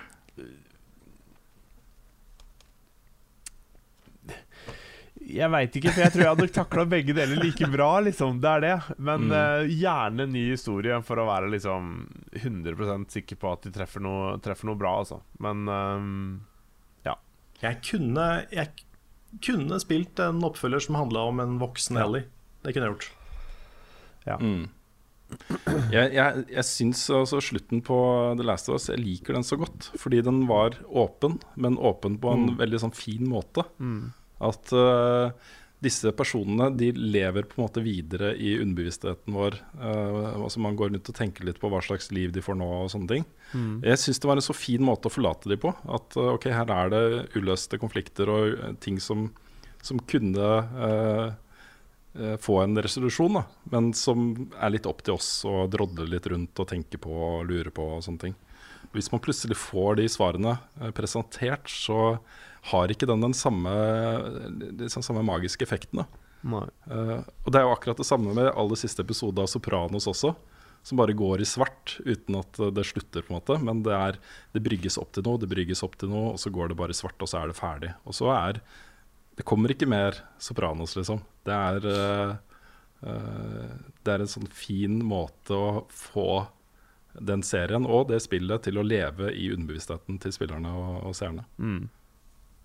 Så jeg, jeg likte den veldig godt, altså. Ja. Så jeg tror jeg kanskje jeg ville nok helst hatt en helt ny historie. Men kanskje disse eh, Kanskje Joel og Ellie kunne ha dukka opp i en eller annen sammenheng som biroller eller et eller annet. Jeg vet ikke. Ja, altså For DLC-en de hadde, var jo en side story til uh, hvordan ting skjedde for Ellie og venninna hennes. Eh, som var et veldig fint supplement til hele spillet. Så Mm. hvis det hadde vært en, en sånn type greie, så tenker jeg at det kunne jo vært bra, liksom. Men ehm, jeg vet ikke. Vanskelig å si. Jepp, jepp. Har dere noen spørsmål? Eh, ja. Jeg har et spørsmål her fra Thomas Andersen som jeg tenkte Det er ikke sikkert vi har noe bra svar på det, men det er interessant å prate litt rundt det. Eh, Han sier hei, jeg lurer på, som Let's Player på YouTube, er det mulighet for meg å få tak i review-kopier av spill? Hvor, hvordan, osv. Kontaktet Bergsala, men de sa det ikke kunne hjelpe. Jo mer konkret, jo bedre. Ja. Ja. Det er jo øh, kanskje litt vanskelig å svare på, fordi alle disse publisherne har jo egne pressekontakter. Eh, og uh, på de aller fleste uh, hjemmesidene så fins det um, kontaktinfo. Det finnes en side som heter gamespress.com, hvor du kan gå inn og søke på publishere, og der vil det stå opp der vil det stå oppført uh, PR-er og pressekontakter på alle sammen. Uh, mange publishere har også egne pressesider. Så hvis du søker f.eks. på uh, PlayStation Press i Google, så får du opp eh, Sony Computer Entertainment Europe sin eh, press, eh, presseside. Der vil det også stå e-postadresser og kontaktinfo til, til hvem du kan kontakte. Så jeg tror det er liksom, du må bare finne de riktige personene å kontakte. Um, Mm. så, så ikke den bare havner i et sånt der, hull hvor ingen egentlig som har noe med det å gjøre, uh, tar tak i den. Så er det jo også sånn at de sier jo nei til de fleste, og de fleste vil jo spørre hvor mange seere har du, hvor mange visninger har du på videoene dine. Eh, og så lager de sånne lister da, uh, med hvem som skal få og ikke få. Mm. Mm. Så er det jo veldig forskjell på uh, hvilken publisher du snakker med. Du nevnte jo Bergsala, og de er jo på Let's Place er jo Nintendo et mareritt å deale med. Fordi de både vil ikke at du skal gjøre det, og i tillegg prøver å ta pengene dine hvis du gjør det. Så eh, Nintendo tror jeg ikke du kommer så langt med, dessverre. Mm. Det er, eh, jeg har prøvd å lage Let's Plays av Nintendo-spill, og det er ofte det fører til problemer. Så det er synd, men det er, eh, det er litt sånn det er nå. Ja. Um, jeg har um, sett noen som spurte dette spørsmålet flere ganger. Uh, Marius Bakke sier også han spør hver gang Mafia 3 noen tanker. Uh, og Remi Granheim også spør har dere noen tanker rundt Mafia 3, og har noen av dere et forhold til Mafia-serien. Ja, Jeg har ikke spilt Mafia sjøl. har du, Lars? Nei, jeg har ikke det, altså. Jeg Um, har spilt både Mafia 1 og Mafia 2. Ja. Jeg eh, er ikke noe fan av serien. Jeg syns eh, eh, historien har eh, ødelagt litt, for meg. Særlig eh, Så Mafia 1 var en, en, et veldig kult alternativ til GTA da det kom ut. Mm. Og, og mange likte jo veldig godt at du gikk tilbake i tid og fikk en annen tidsalder og litt mer sånn maf altså klassisk ha hardkokt mafia-greier rundt det. Mm. Men jeg, jeg, jeg syns ikke det var sånn superbra, altså. Det var helt greit, men uh, ikke noe sånn spesielt varmt forhold til det. Eh, og når det gjelder Mafia 3, så har det jo gått litt sånn ut av den greien. Det er ikke så hardkokt mafia lenger, ser det ut som. Det er uh, litt mer sånn uh, kriminalitet. Altså de ikke fullt så organisert, etter det jeg har forstått. Mm.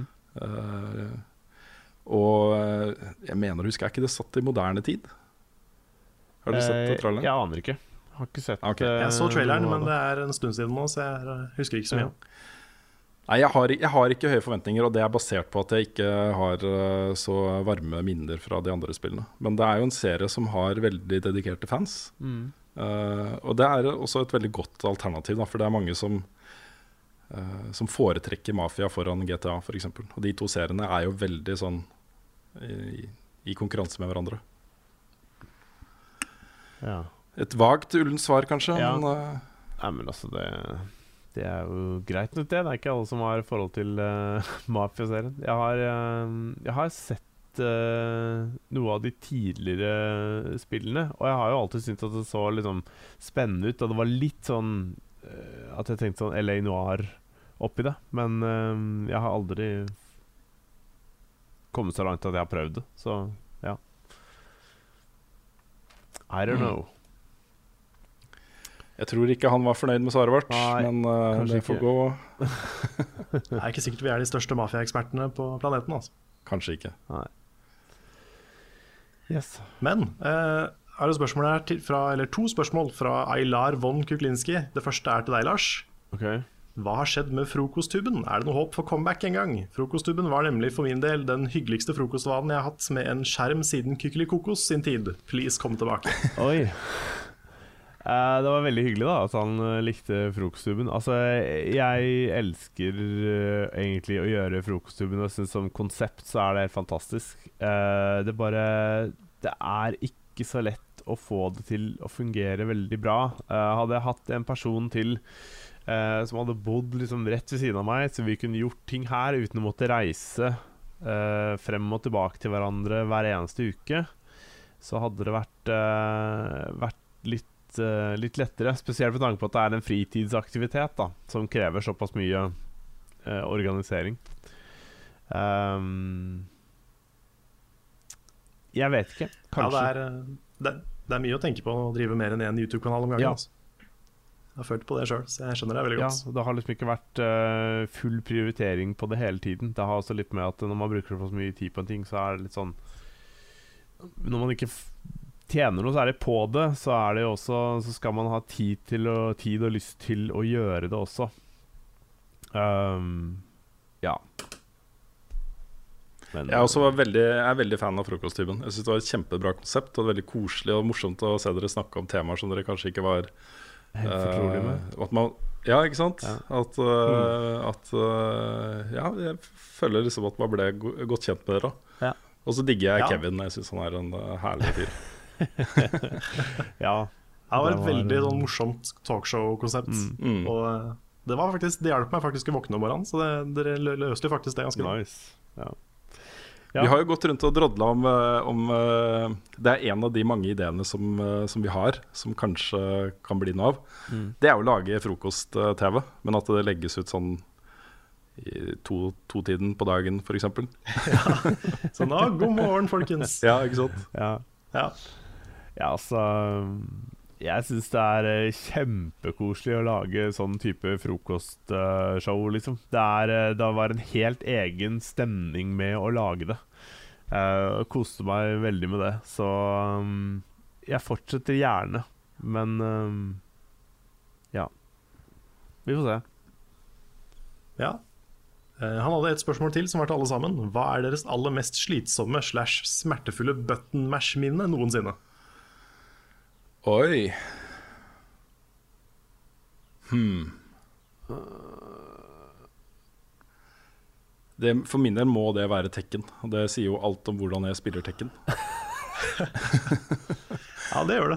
Så, men det, det fikk jeg faktisk uh, vannblemmer av. Uh, sånn intens Tekken-periode jeg hadde. Jeg tror Ja. det, var- det var nok Tekken 3, tenker jeg. Ja. Nei, for meg så er det den der uh, klassiske Mario Party 1-greia, hvor du må rotere kontrollen, eller rotere stikka. Og du finner jo etter hvert ut at eh, måten å gjøre det på, det er å legge handa flat på den og rotere sånn.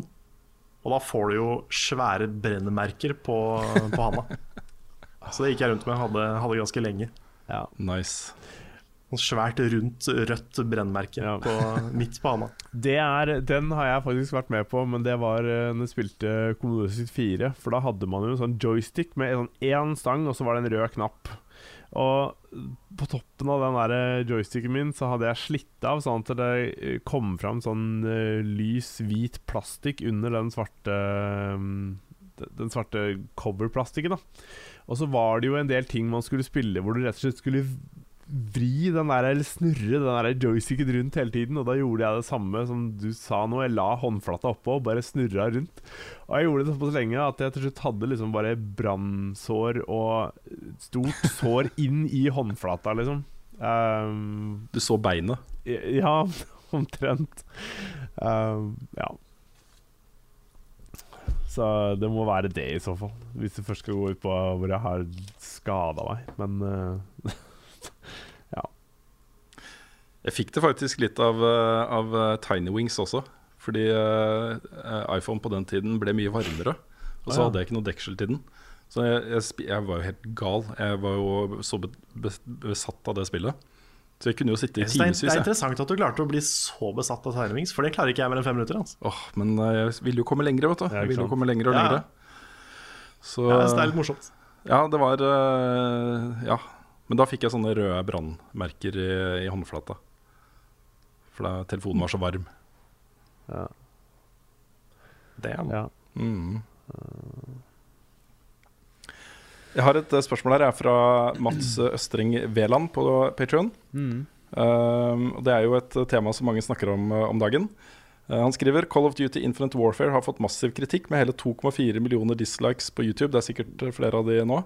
Battlefield 1 derimot har fått mye ros og er oppe i 1,6 millioner likes. Og begge deler er jo rekord, eh, etter det jeg har hørt.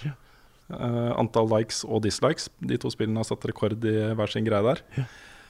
Så skriver han hva slags konsept synes dere personlig høres mest fremragende og underholdende å spille? Første verdenskrig-aktig eller sci-fi space? Um, kan du først bare si litt om, eh, om uh, likes og dislikes? Um, det går jo teorier uh, på om det er bots ute og går her, på begge sider egentlig, som, uh, som sørger for at det blir så massive tall. Eh, men de er jo også et, et ganske sånn tydelig signal om frustrasjon og glede hos eh, de to leirene. ja. Hvor eh, veldig mange reagerer på at, at Cod 4 remastered-utgaven bare blir tilgjengelig som en pakkeløsning, hvor du også må kjøpe Infinite Warfare. Mm. ja, jeg tror, Eh, det, jeg tror ikke de reagerer så mye på nødvendigvis Infinite Warfare. Nei. Og det er, det er det som er litt sånn Jeg tror det er mange som tror det. da At Ja. uh, antall dislikes er fordi de ikke liker uh, Det de hvordan det spillet ser ut. Ja. Ja. Men det er den biten som gjør at folk er sinte. Ja. Um, Og så er det jo på Battlefield sin side, så, så var det jo, som vi snakka om for et par uker siden også, uh, at det ligger latent et ønske om å ta ting tilbake til røttene igjen. ja. Tilbake der det hele startet. Mm. Um, og det finnes jo spill, eh, særlig modder da, til, eh, til Battlefield f.eks., har jo gått tilbake til første verdenskrig. Og um, uh, gjort bra konsepter ut av det. Veldig hardcore konsepter. Men det er jo ingen som har tatt første verdenskrig og gjort en skikkelig sånn epic uh, greie ut av det. Mm. Så det, det, det signaliserer litt at her har det ligget et behov og et ønske hos uh, skytespillfans om å få slippe sci-fi og gå tilbake og ha litt, noe litt mer jordnært. Og, Man blir litt lei altså, av disse eh, sci-fi-tingene. Og når de på en måte tar til rommet nå, så syns jeg det blir litt sånn Det virker ikke seriøst, da, eh, egentlig. Men eh, Mm. jeg hørte også folk uh, har jo sagt at uh, Hva skal jeg si De klager ikke nødvendigvis, men syns det er vanskelig å eh, se for seg at det skulle være et bra spill fra første verdenskrig, for de hadde ikke noe bra våpen, og de hadde ikke noe kule ting til å lage i spillet. Men så tenker jeg sånn Hvis det er en god skyteopplevelse og en god opplevelse, så trenger man ikke nødvendigvis ha så stor variasjon på um, at du har ti forskjellige assault-våpen, ti forskjellige submachines Altså, du trenger ikke så mange store variasjoner nødvendigvis hver underkategori, hvis det kan være fokus på en del andre ting, kanskje, ved Mm. spillet. Lagsamarbeid, uh, ja. ja, for de kan, Mm. de kan jo ikke gjenskape første verdenskrig slik den var, 100% De må jo gjøre et spill av det som det er mulig å spille og, eh, kose seg med. Det er, jeg syns alltid det er så rart å si det når man snakker om uh, spill basert på krig. Ja. For det var en forferdelig krig med sennepsgass og skyttergraver og Mm. fytterakkeren. Uh, men det fins jo måter å liksom si at ok, dette er ikke historisk eh, korrekt. Vi eh, åpner det litt mer opp og eh, har litt mer kamper som man kjenner fra andre typer uh, skytespill, hvor man er mer i bevegelse, hvor man eh, er mer ute i store slag da, enn uh, nede i en grop mens man venter på å dø. For eksempel. Nei, det Mm. Vi får se også hva de jeg- gjør. Og så tror jeg, ja, tror også at, eh, at um, den greia her har ikke nødvendigvis med det å gjøre at, eh, at eh, science fiction-setting ikke egner seg til bra skytespill, for det gjør det jo beviselig. Det finnes massevis av bra science fiction-skytespill. Men det er mer en sånn generell eh, tretthet i, hos en spesiell målgruppe.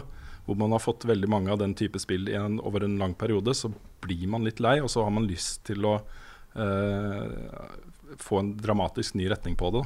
Mm. Eh, og da kanskje gå tilbake i tid igjen, er den mest naturlige tingen. Mm. Uh, Mm. Istedenfor å gå enda lenger inn i fremtiden. Ja. Jeg merker jo for min egen del så syns jeg sci-fi kanskje er mer spennende enn krig. Jeg er ikke så veldig glad i som krigsspill, Mm. sånn per definisjon. Men uh, jeg vet ikke. Samtidig så skulle jeg kanskje ønske at det her var, var noe annet enn et Call of Duty-spill. Jeg skjønner jo hvorfor de kaller det Call of Duty, fordi uh, money bags, men liksom Ja, kanskje det kunne, kanskje det kunne vært en ny, en ny serie isteden, som var mer sci-fi-basert. Jeg vet ikke. Mm.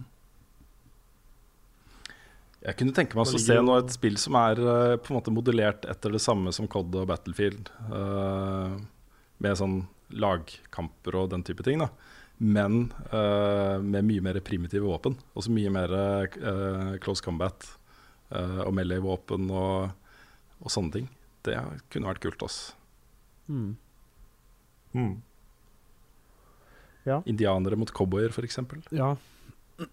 for eksempel. um, er et spørsmål her som jeg synes var litt interessant, fra Karoline Myklebust Sætre. Hun spør hvor interessert er dere egentlig i VR? Er det noe dere kommer til å gidde å investere i? Leste en artikkel om at det kommer til å ta en del gulvplass, naturlig nok. Får dere plass til det hjemme? For min del virker VR like interessant som 3D-filmer på kino. Jeg får hodepine, blir kvalm og ser egentlig ikke 3D-effekten pga. skeive hornhinner, så jeg er skeptisk.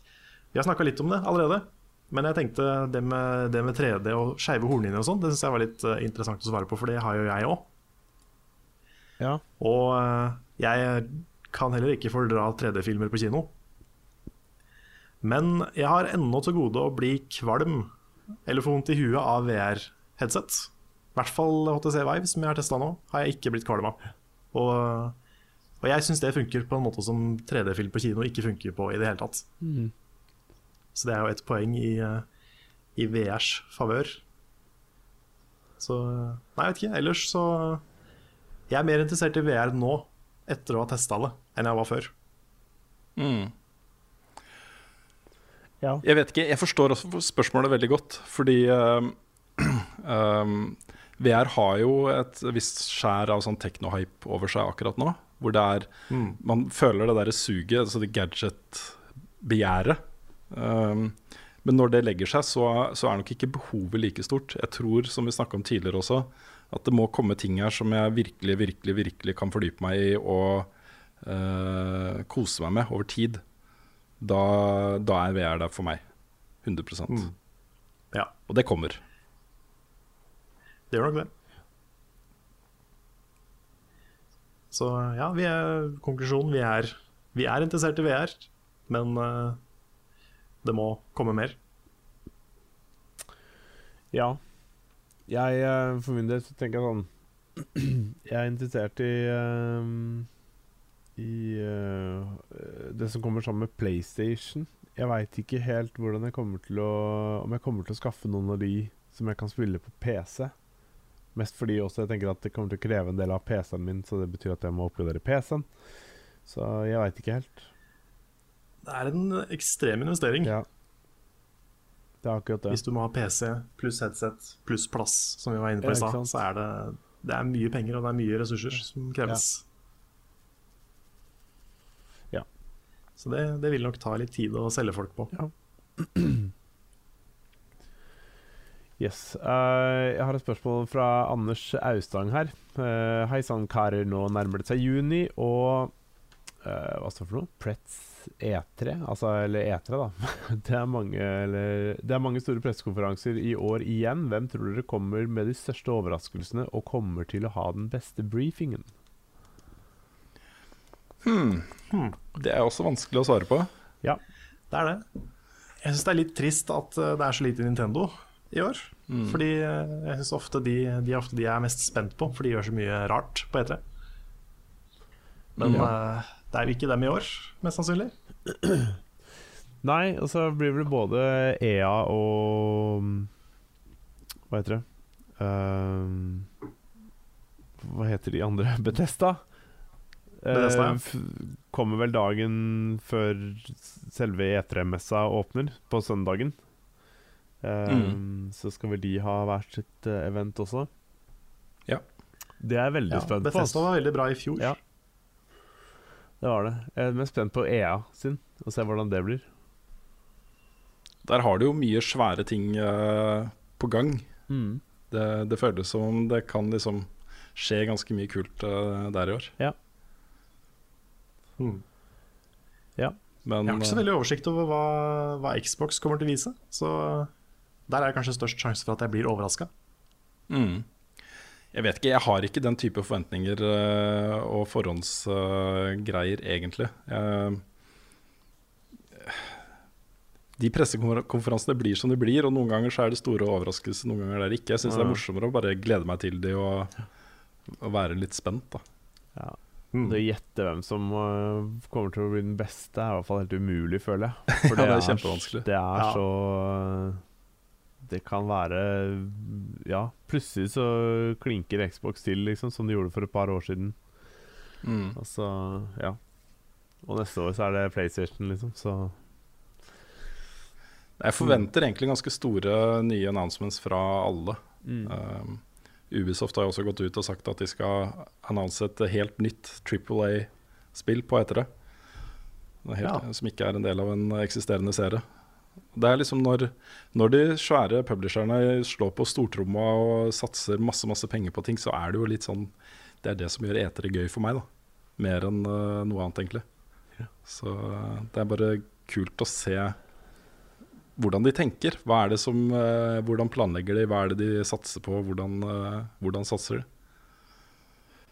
Så jeg har et slags, slags sånn halvveis relatert spørsmål til det også, fra um, uh, skal se om jeg finner den. Uh, ja, fra Jon Magnus Restad på Patrion. Dersom dere kunne fått velge hvilken retning spillmediet skulle ta videre, og hvilke store linjer spillindustrien skulle følge, hva ville dere valgt? Og hvilken beskjed ville dere gitt til de store spillskaperne? For det er jo på en måte litt det vi går og venter på på eter også. Hva er, hva er de store linjene? Hva er det de uh, store utgiverne satser på? Vet ikke, Har dere noen Hva tanker? Hva slags type spill, eller tenker de på Det er mer linjer. Også for eksempel uh, uh, Så er det jo mange som, uh, som etterspør f.eks. bedre historier i spill, eller bedre rollefigurer. Noen vil ha mm. mer, mer, realistisk fysikk. noen ja, vil sånn generelt Hvilken vei vil vi at spillmediet skal ta? Da? Ikke sant? Ja for min del, sånn ja. generelt sett, så blir det jo Jeg, jeg ønsker jo at uh, i hvert fall noen spill, ikke alle spill, men at noen spill skal ta det skrittet inn og bli noe som uh, er viktigere for folk. Også, som uh, kommuniserer med folk på en mer voksen og moden og interessant måte. og det gjelder for så vidt både blockbusterspill og indiespill. men at de tar opp tematikk og snakke med spillerne på en måte som, som gjør det mer interessant. Det er, eh, det er det jeg håper eh, bedre teknologi vil eh, gjøre. Mm. Mm. Jeg er helt enig i det. Så vil jeg også fjerne alt som heter mikrotransaksjoner og, og season passes. Og hvis det er så dyrt å lage spill, så får de heller finne andre måter å spare penger på. F.eks trenger jo ikke alle spill å se ut som The Last of Us. Mm. Og sånne ting. Det er jo in- Indie-folk klarer å lage flotte, fine spill med én til fem personer, så det, det er fullt mulig å lage bra spill uten å ha monsterbudsjett, Ja. på en måte. Og eh, så ville jeg kanskje, det er ikke sikkert, eh, ikke sikkert så mange er enig med meg i det, men jeg ville, jeg ville fokusert mye mindre på spill som har skyting. For nå føler jeg at 90% av spill har skyting. Mm. Og det er jo bra med skytespill, det er ikke det, men jeg synes det er, det er litt for mange av de. Jeg er litt lei av at det er liksom den store, mest populære sjangeren. Mm. Mm. Ja. Nei, jeg er, eh, Så det er enig. Og så generelt bare lansere spill som er ferdig, eller komplette. Hvor du ikke må betale Ja. dobbel pris for å få det spillet du i utgangspunktet kjøpte. Ja. Mm. Det, Ja, den der, den der holdningen om at vi kan patche Ja. det, den er ikke alltid så bra.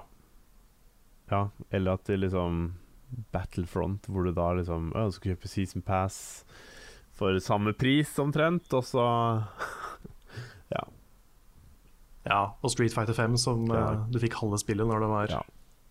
Yes. det ble lansert. Og det var jo liksom Du slapp jo Jeg tror du, du slipper å betale for mer. Eller du må kanskje det òg, men det kommer liksom seinere i oppdateringer, da. Jeg er ikke noen fan av det heller. Nei. Bare selg et ferdig spill, liksom. Ja. Det er vel eh, gjengangerne der, eh, egentlig. Um, men uh, Petter G. Eliassen lurer på om vi kommer til å lage en spoilercast, som dere har pratet om før. Det må vi gjøre. Ja, jeg Jeg er med er på det. dritgira på det. Mm. Det Det er, kunne potensielt vært en egen serie. ja, og så bør den være på video, sånn at vi får vist fram uh, de tingene vi snakker om. Ja. Syns jeg. Ja, sånn, ja. For det er, eh, det er mye visuelt her. Det er mye sånn det, det hadde vært kult å kunne bare vist fram de scenene jeg snakka om, og så snakka om de på en måte. På en eller annen måte. Mm. For det er jo jeg har tenkt på i eh, et år nå snart, ikke et fullt år, men uh, sju måneder eller hvor lenge det er siden det kom ut. En Undertale spoilercast, det har jeg lyst til å ha. mm, Nå har ikke dere spilt det ennå, men jeg tenkte enten å ta det med dere etter at dere har spilt det, eller uh, samle de uh, i level up som er Undertale-elskere, Ja. mm. og se om vi får en eh, bra podkast ut av det. Jeg ser for meg at dette her kunne egna seg godt som en sånn type debattprogram på TV, med en ordstyrer og at man liksom har liksom proft rundt det, og går skikkelig nerder i detalj på uh, store spoilerting fra spill. Det hadde vært ganske Mm. kult, altså. Sånn paneldebatt. Det er sant, det. ja. Ja. Uncharted 4 har jeg lyst til å gjøre, og uh, Bioshock-spillene. Mm. Mm. Da må jeg spille det igjen, kjenner jeg. For jeg husker, jeg husker mye av det, men jeg husker ikke alt. Ja, Ja, man må friske opp hukommelsen litt, det må man. Spille det generelt. Um, Vi må begynne å tenke på å runde av, for det er en av oss som skal på jobbintervju. yes, det er det. Mm. Det er det. Men uh, ta et par eh, spørsmål til, kanskje. Det rekker vi vel? Ja. Det er uh, Vi har fortsatt litt tid igjen. Bra. Jeg har et her fra Jonathan Grell. Uh, spørsmålet er Hvis dere bare hadde mulighet til å spille en av de andre Skal vi se Hvis dere bare hadde mulighet til å spille en av de andre i redaksjonens favorittspill i to måneder, hvilket hadde dere valgt? Så skriver han valget er viktigere enn favorittgrad, bare så ingen føler seg forpliktet til å måtte spille Destiny. Prikk, prikk, prikk. Er det, er det liksom Ja, OK. Favorittspillet til dere to, for eksempel. Det er liksom Jeg må velge en av de. Ja.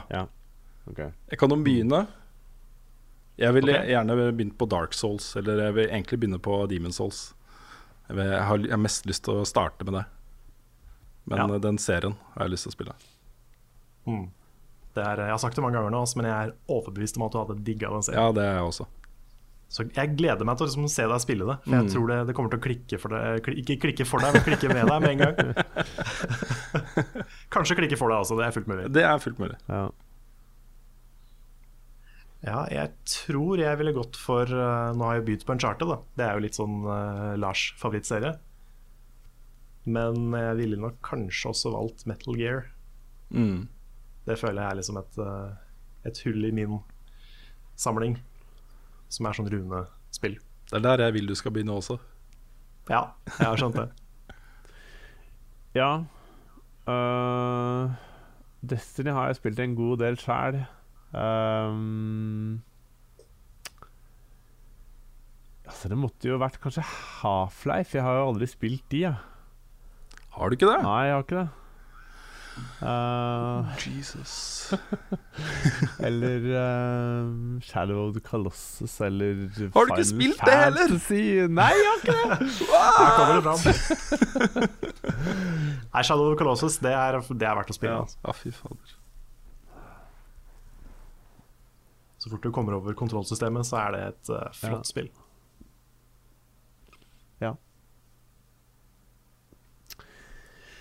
Ja, nei, jeg vet ikke. Det måtte blitt uh, noe, eh, noen av de, da, kanskje.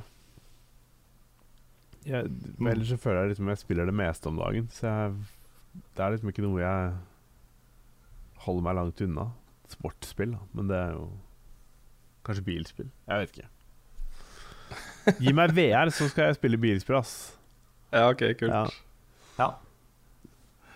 Du kan, du kan komme hit en gang. Ja. Hvis jeg fortsatt har VR-headset her, så kan vi teste et eller annet ja. bilspill. Skulle hatt ratt og pedaler og sånn, da. Ja, men på kontoret så er det jo fullt uh, Ja, det er sant, vi kan bare bruke det på kontoret. Det. Mm. Med ratt og pedaler og hele pakka. Åh, det er jeg med på. Ja, det er bare, bare Ja. å kjøre i gang. Yes. Ta Bokstavelig en dag hvor vi bare låner det utstyret der og prøver litt. It's a date. Mm. Kan vi lage en video ut av det eller et eller annet. Jepp. Apropos lage video eh, av det. Vi kan jo avslutte eh, med noe ikke så veldig spillrelatert, men spillrelatert allikevel. Ok. Eh, Det har jo vært litt snakk om, om at Lars har snudd ting rundt om dagen og begynt å trene og spise sunnere og sånne ting. Mm. Først et forslag fra Alf Inge Wang. Eh, forslag til innslag kom i form med Storm-Lars, der Level Up-redaksjonen tester ut uh, extra games, dvs. Si dataspill som krever fysisk bevegelse. Tror det kunne ha vært veldig underholdende. Hvis det mangler gode spill, så har vi et svært morsomt multiplayer Tanks-spill utviklet på NTNU, som involverer fire trimsykler som kan testes ut. Um, Wow. Ja, det hørtes dritgøy ut. ja, det er et godt forslag. Ja. Det er det. Vi har jo snakka litt om det på stream før, at, eh, at det å teste litt sånne trimspill kunne vært en morsom serie. Mm. Så det er, eh, jeg er for så vidt med på det. Altså. Jeg reiser lett til Ja. NTNU og gjør det der, altså.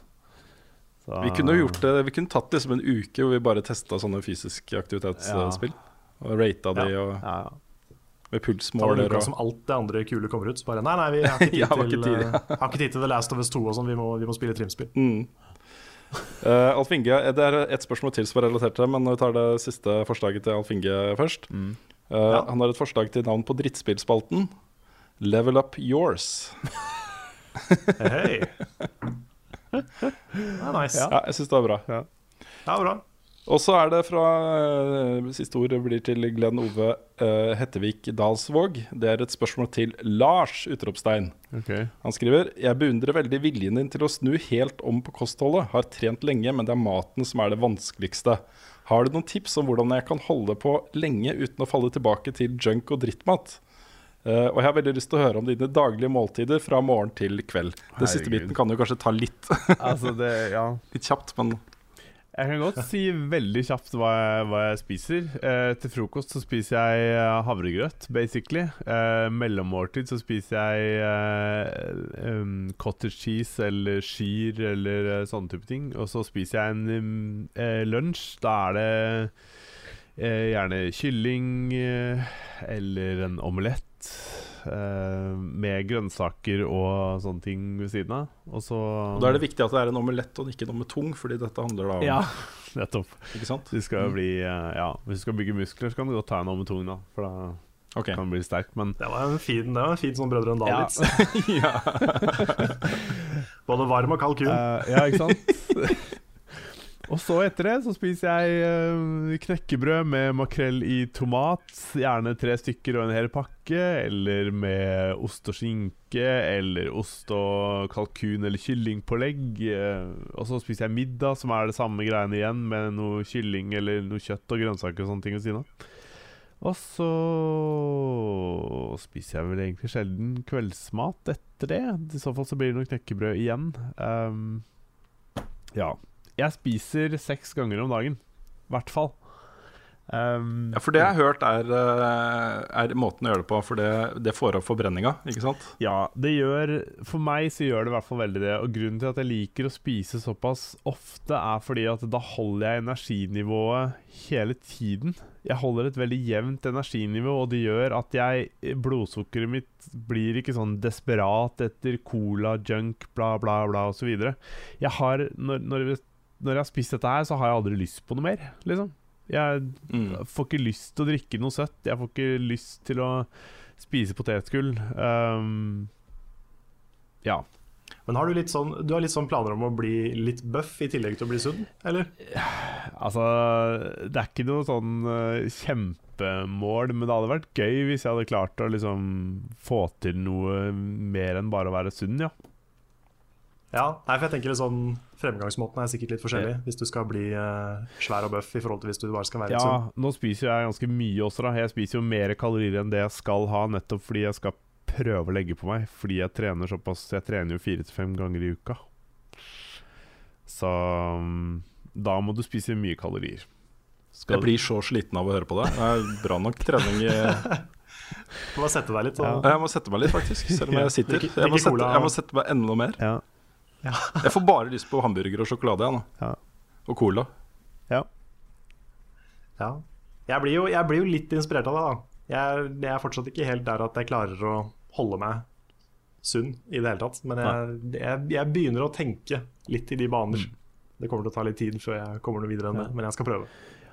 Ja, men jeg skjønner at maten er det vanskeligste. Altså. Det, det jeg vil bare si, er at bare spis variert. Det er ikke noe krise om du spiser noe som er eh, litt usunt, men prøv å holde deg unna hvitt mel, sukker og junkfood.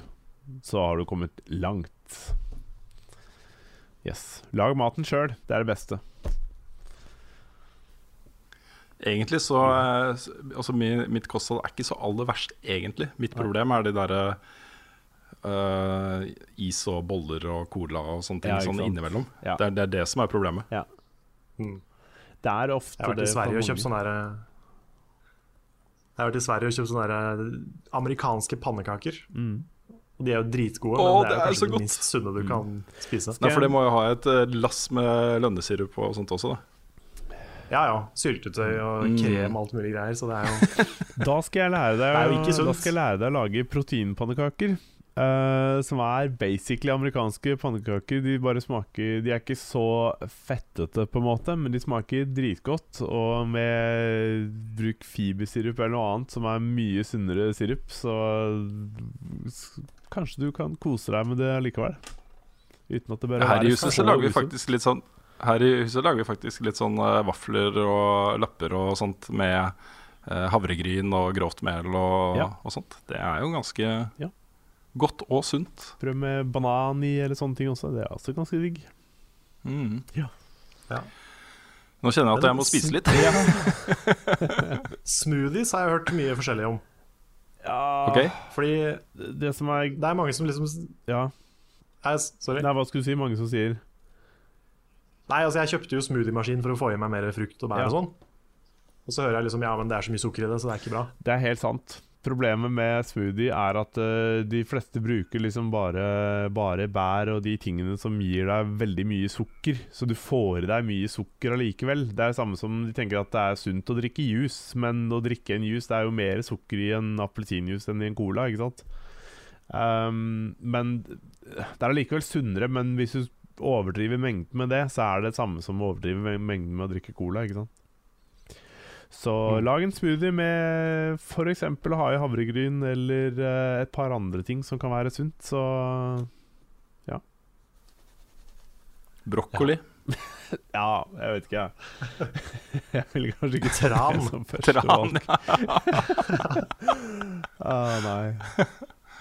Lage sånn oppskrift på tran-smoothie. Ja. Ja. Ja, det fins jo noen som lager smoothie med avokado, f.eks. Sånn, så jeg vet Ja. ikke. Ja. Det er mange som lager sånne type ting bare for å få i seg det riktige, og så smaker det crap, men de har det i seg bare fordi de vet at det er sunt og godt eller bra for deg. ikke sant? Mm. Så er det mange som Mm. bare klarer å takle det. Det er sånn Med noen av tingene jeg spiser eller får i meg, så, så gjør jeg det bare på beinhard vilje, rett og slett. Og det er jo Det må litt til, da. Det må, det må litt vilje til for å endre For å endre livssituasjonen, men ja Gud bedre så bra man får det òg, da. Med seg Ja. sjøl. Det er viljen min, altså viljestyrken, til Ja. å endre det som stopper meg. Også. Ja. Det er uh, ja. Det er hardt å ta det valget, altså. Mm. Og gå inn for det over lang tid. Så er det veldig vanskelig hvis man er aleine. Og særlig hvis man bor sammen med en kjæreste eller kone eller sånne type ting. Og så er det bare du som skal prøve å endre det, mens alle de andre liksom lever sine gamle vaner. Da er det hardt å sitte der med Med kjip mat når de andre spiser Ja, jeg vet ikke. Pølser, Sånn som når vi tok med deg på tur til E3 i fjor. og var bare cola og burger. Ja. Og Ja, jeg prøvde å velge det litt mer sunne alternativet, men så det er helt greit å skeie ut en gang imellom. Det skal også sies at jeg gjør en gang i uka. Så har jeg en dag hvor jeg spiser akkurat det jeg vil. Så Hmm. yes. Bra, bra. Skal vi la Ja. det være siste, Ja. siste ord? det, det kan vi Ja. gjøre. Litt Mm. sånn eh, sunnhetstips på slutten av dagen. ja. Yep. Bli en bedre gamer. Yeah. Ja, for det kan jeg Yes. nevne også. Det er veldig mange av disse e-sportspillerne som eh, jo nettopp har veldig fokus på kosthold og trening og sånt, fordi det hjelper dem til å yte bedre når de skal eh, konkurrere mot andre. Ja, men det er jo sport. De trenger jo å Mm. være våkne og klare i hodet og tenke godt, liksom. Og du gjør ikke det hvis du er på en sugar low, altså. Mm. Da, da sitter du der og bare vil ha colaen din, liksom. Så Og så blir du veldig mye mer sliten hvis du bare skal leve på det som energikilde. Altså, Nettopp. hva heter det for noe? Red Bull og sånne ting. Mm.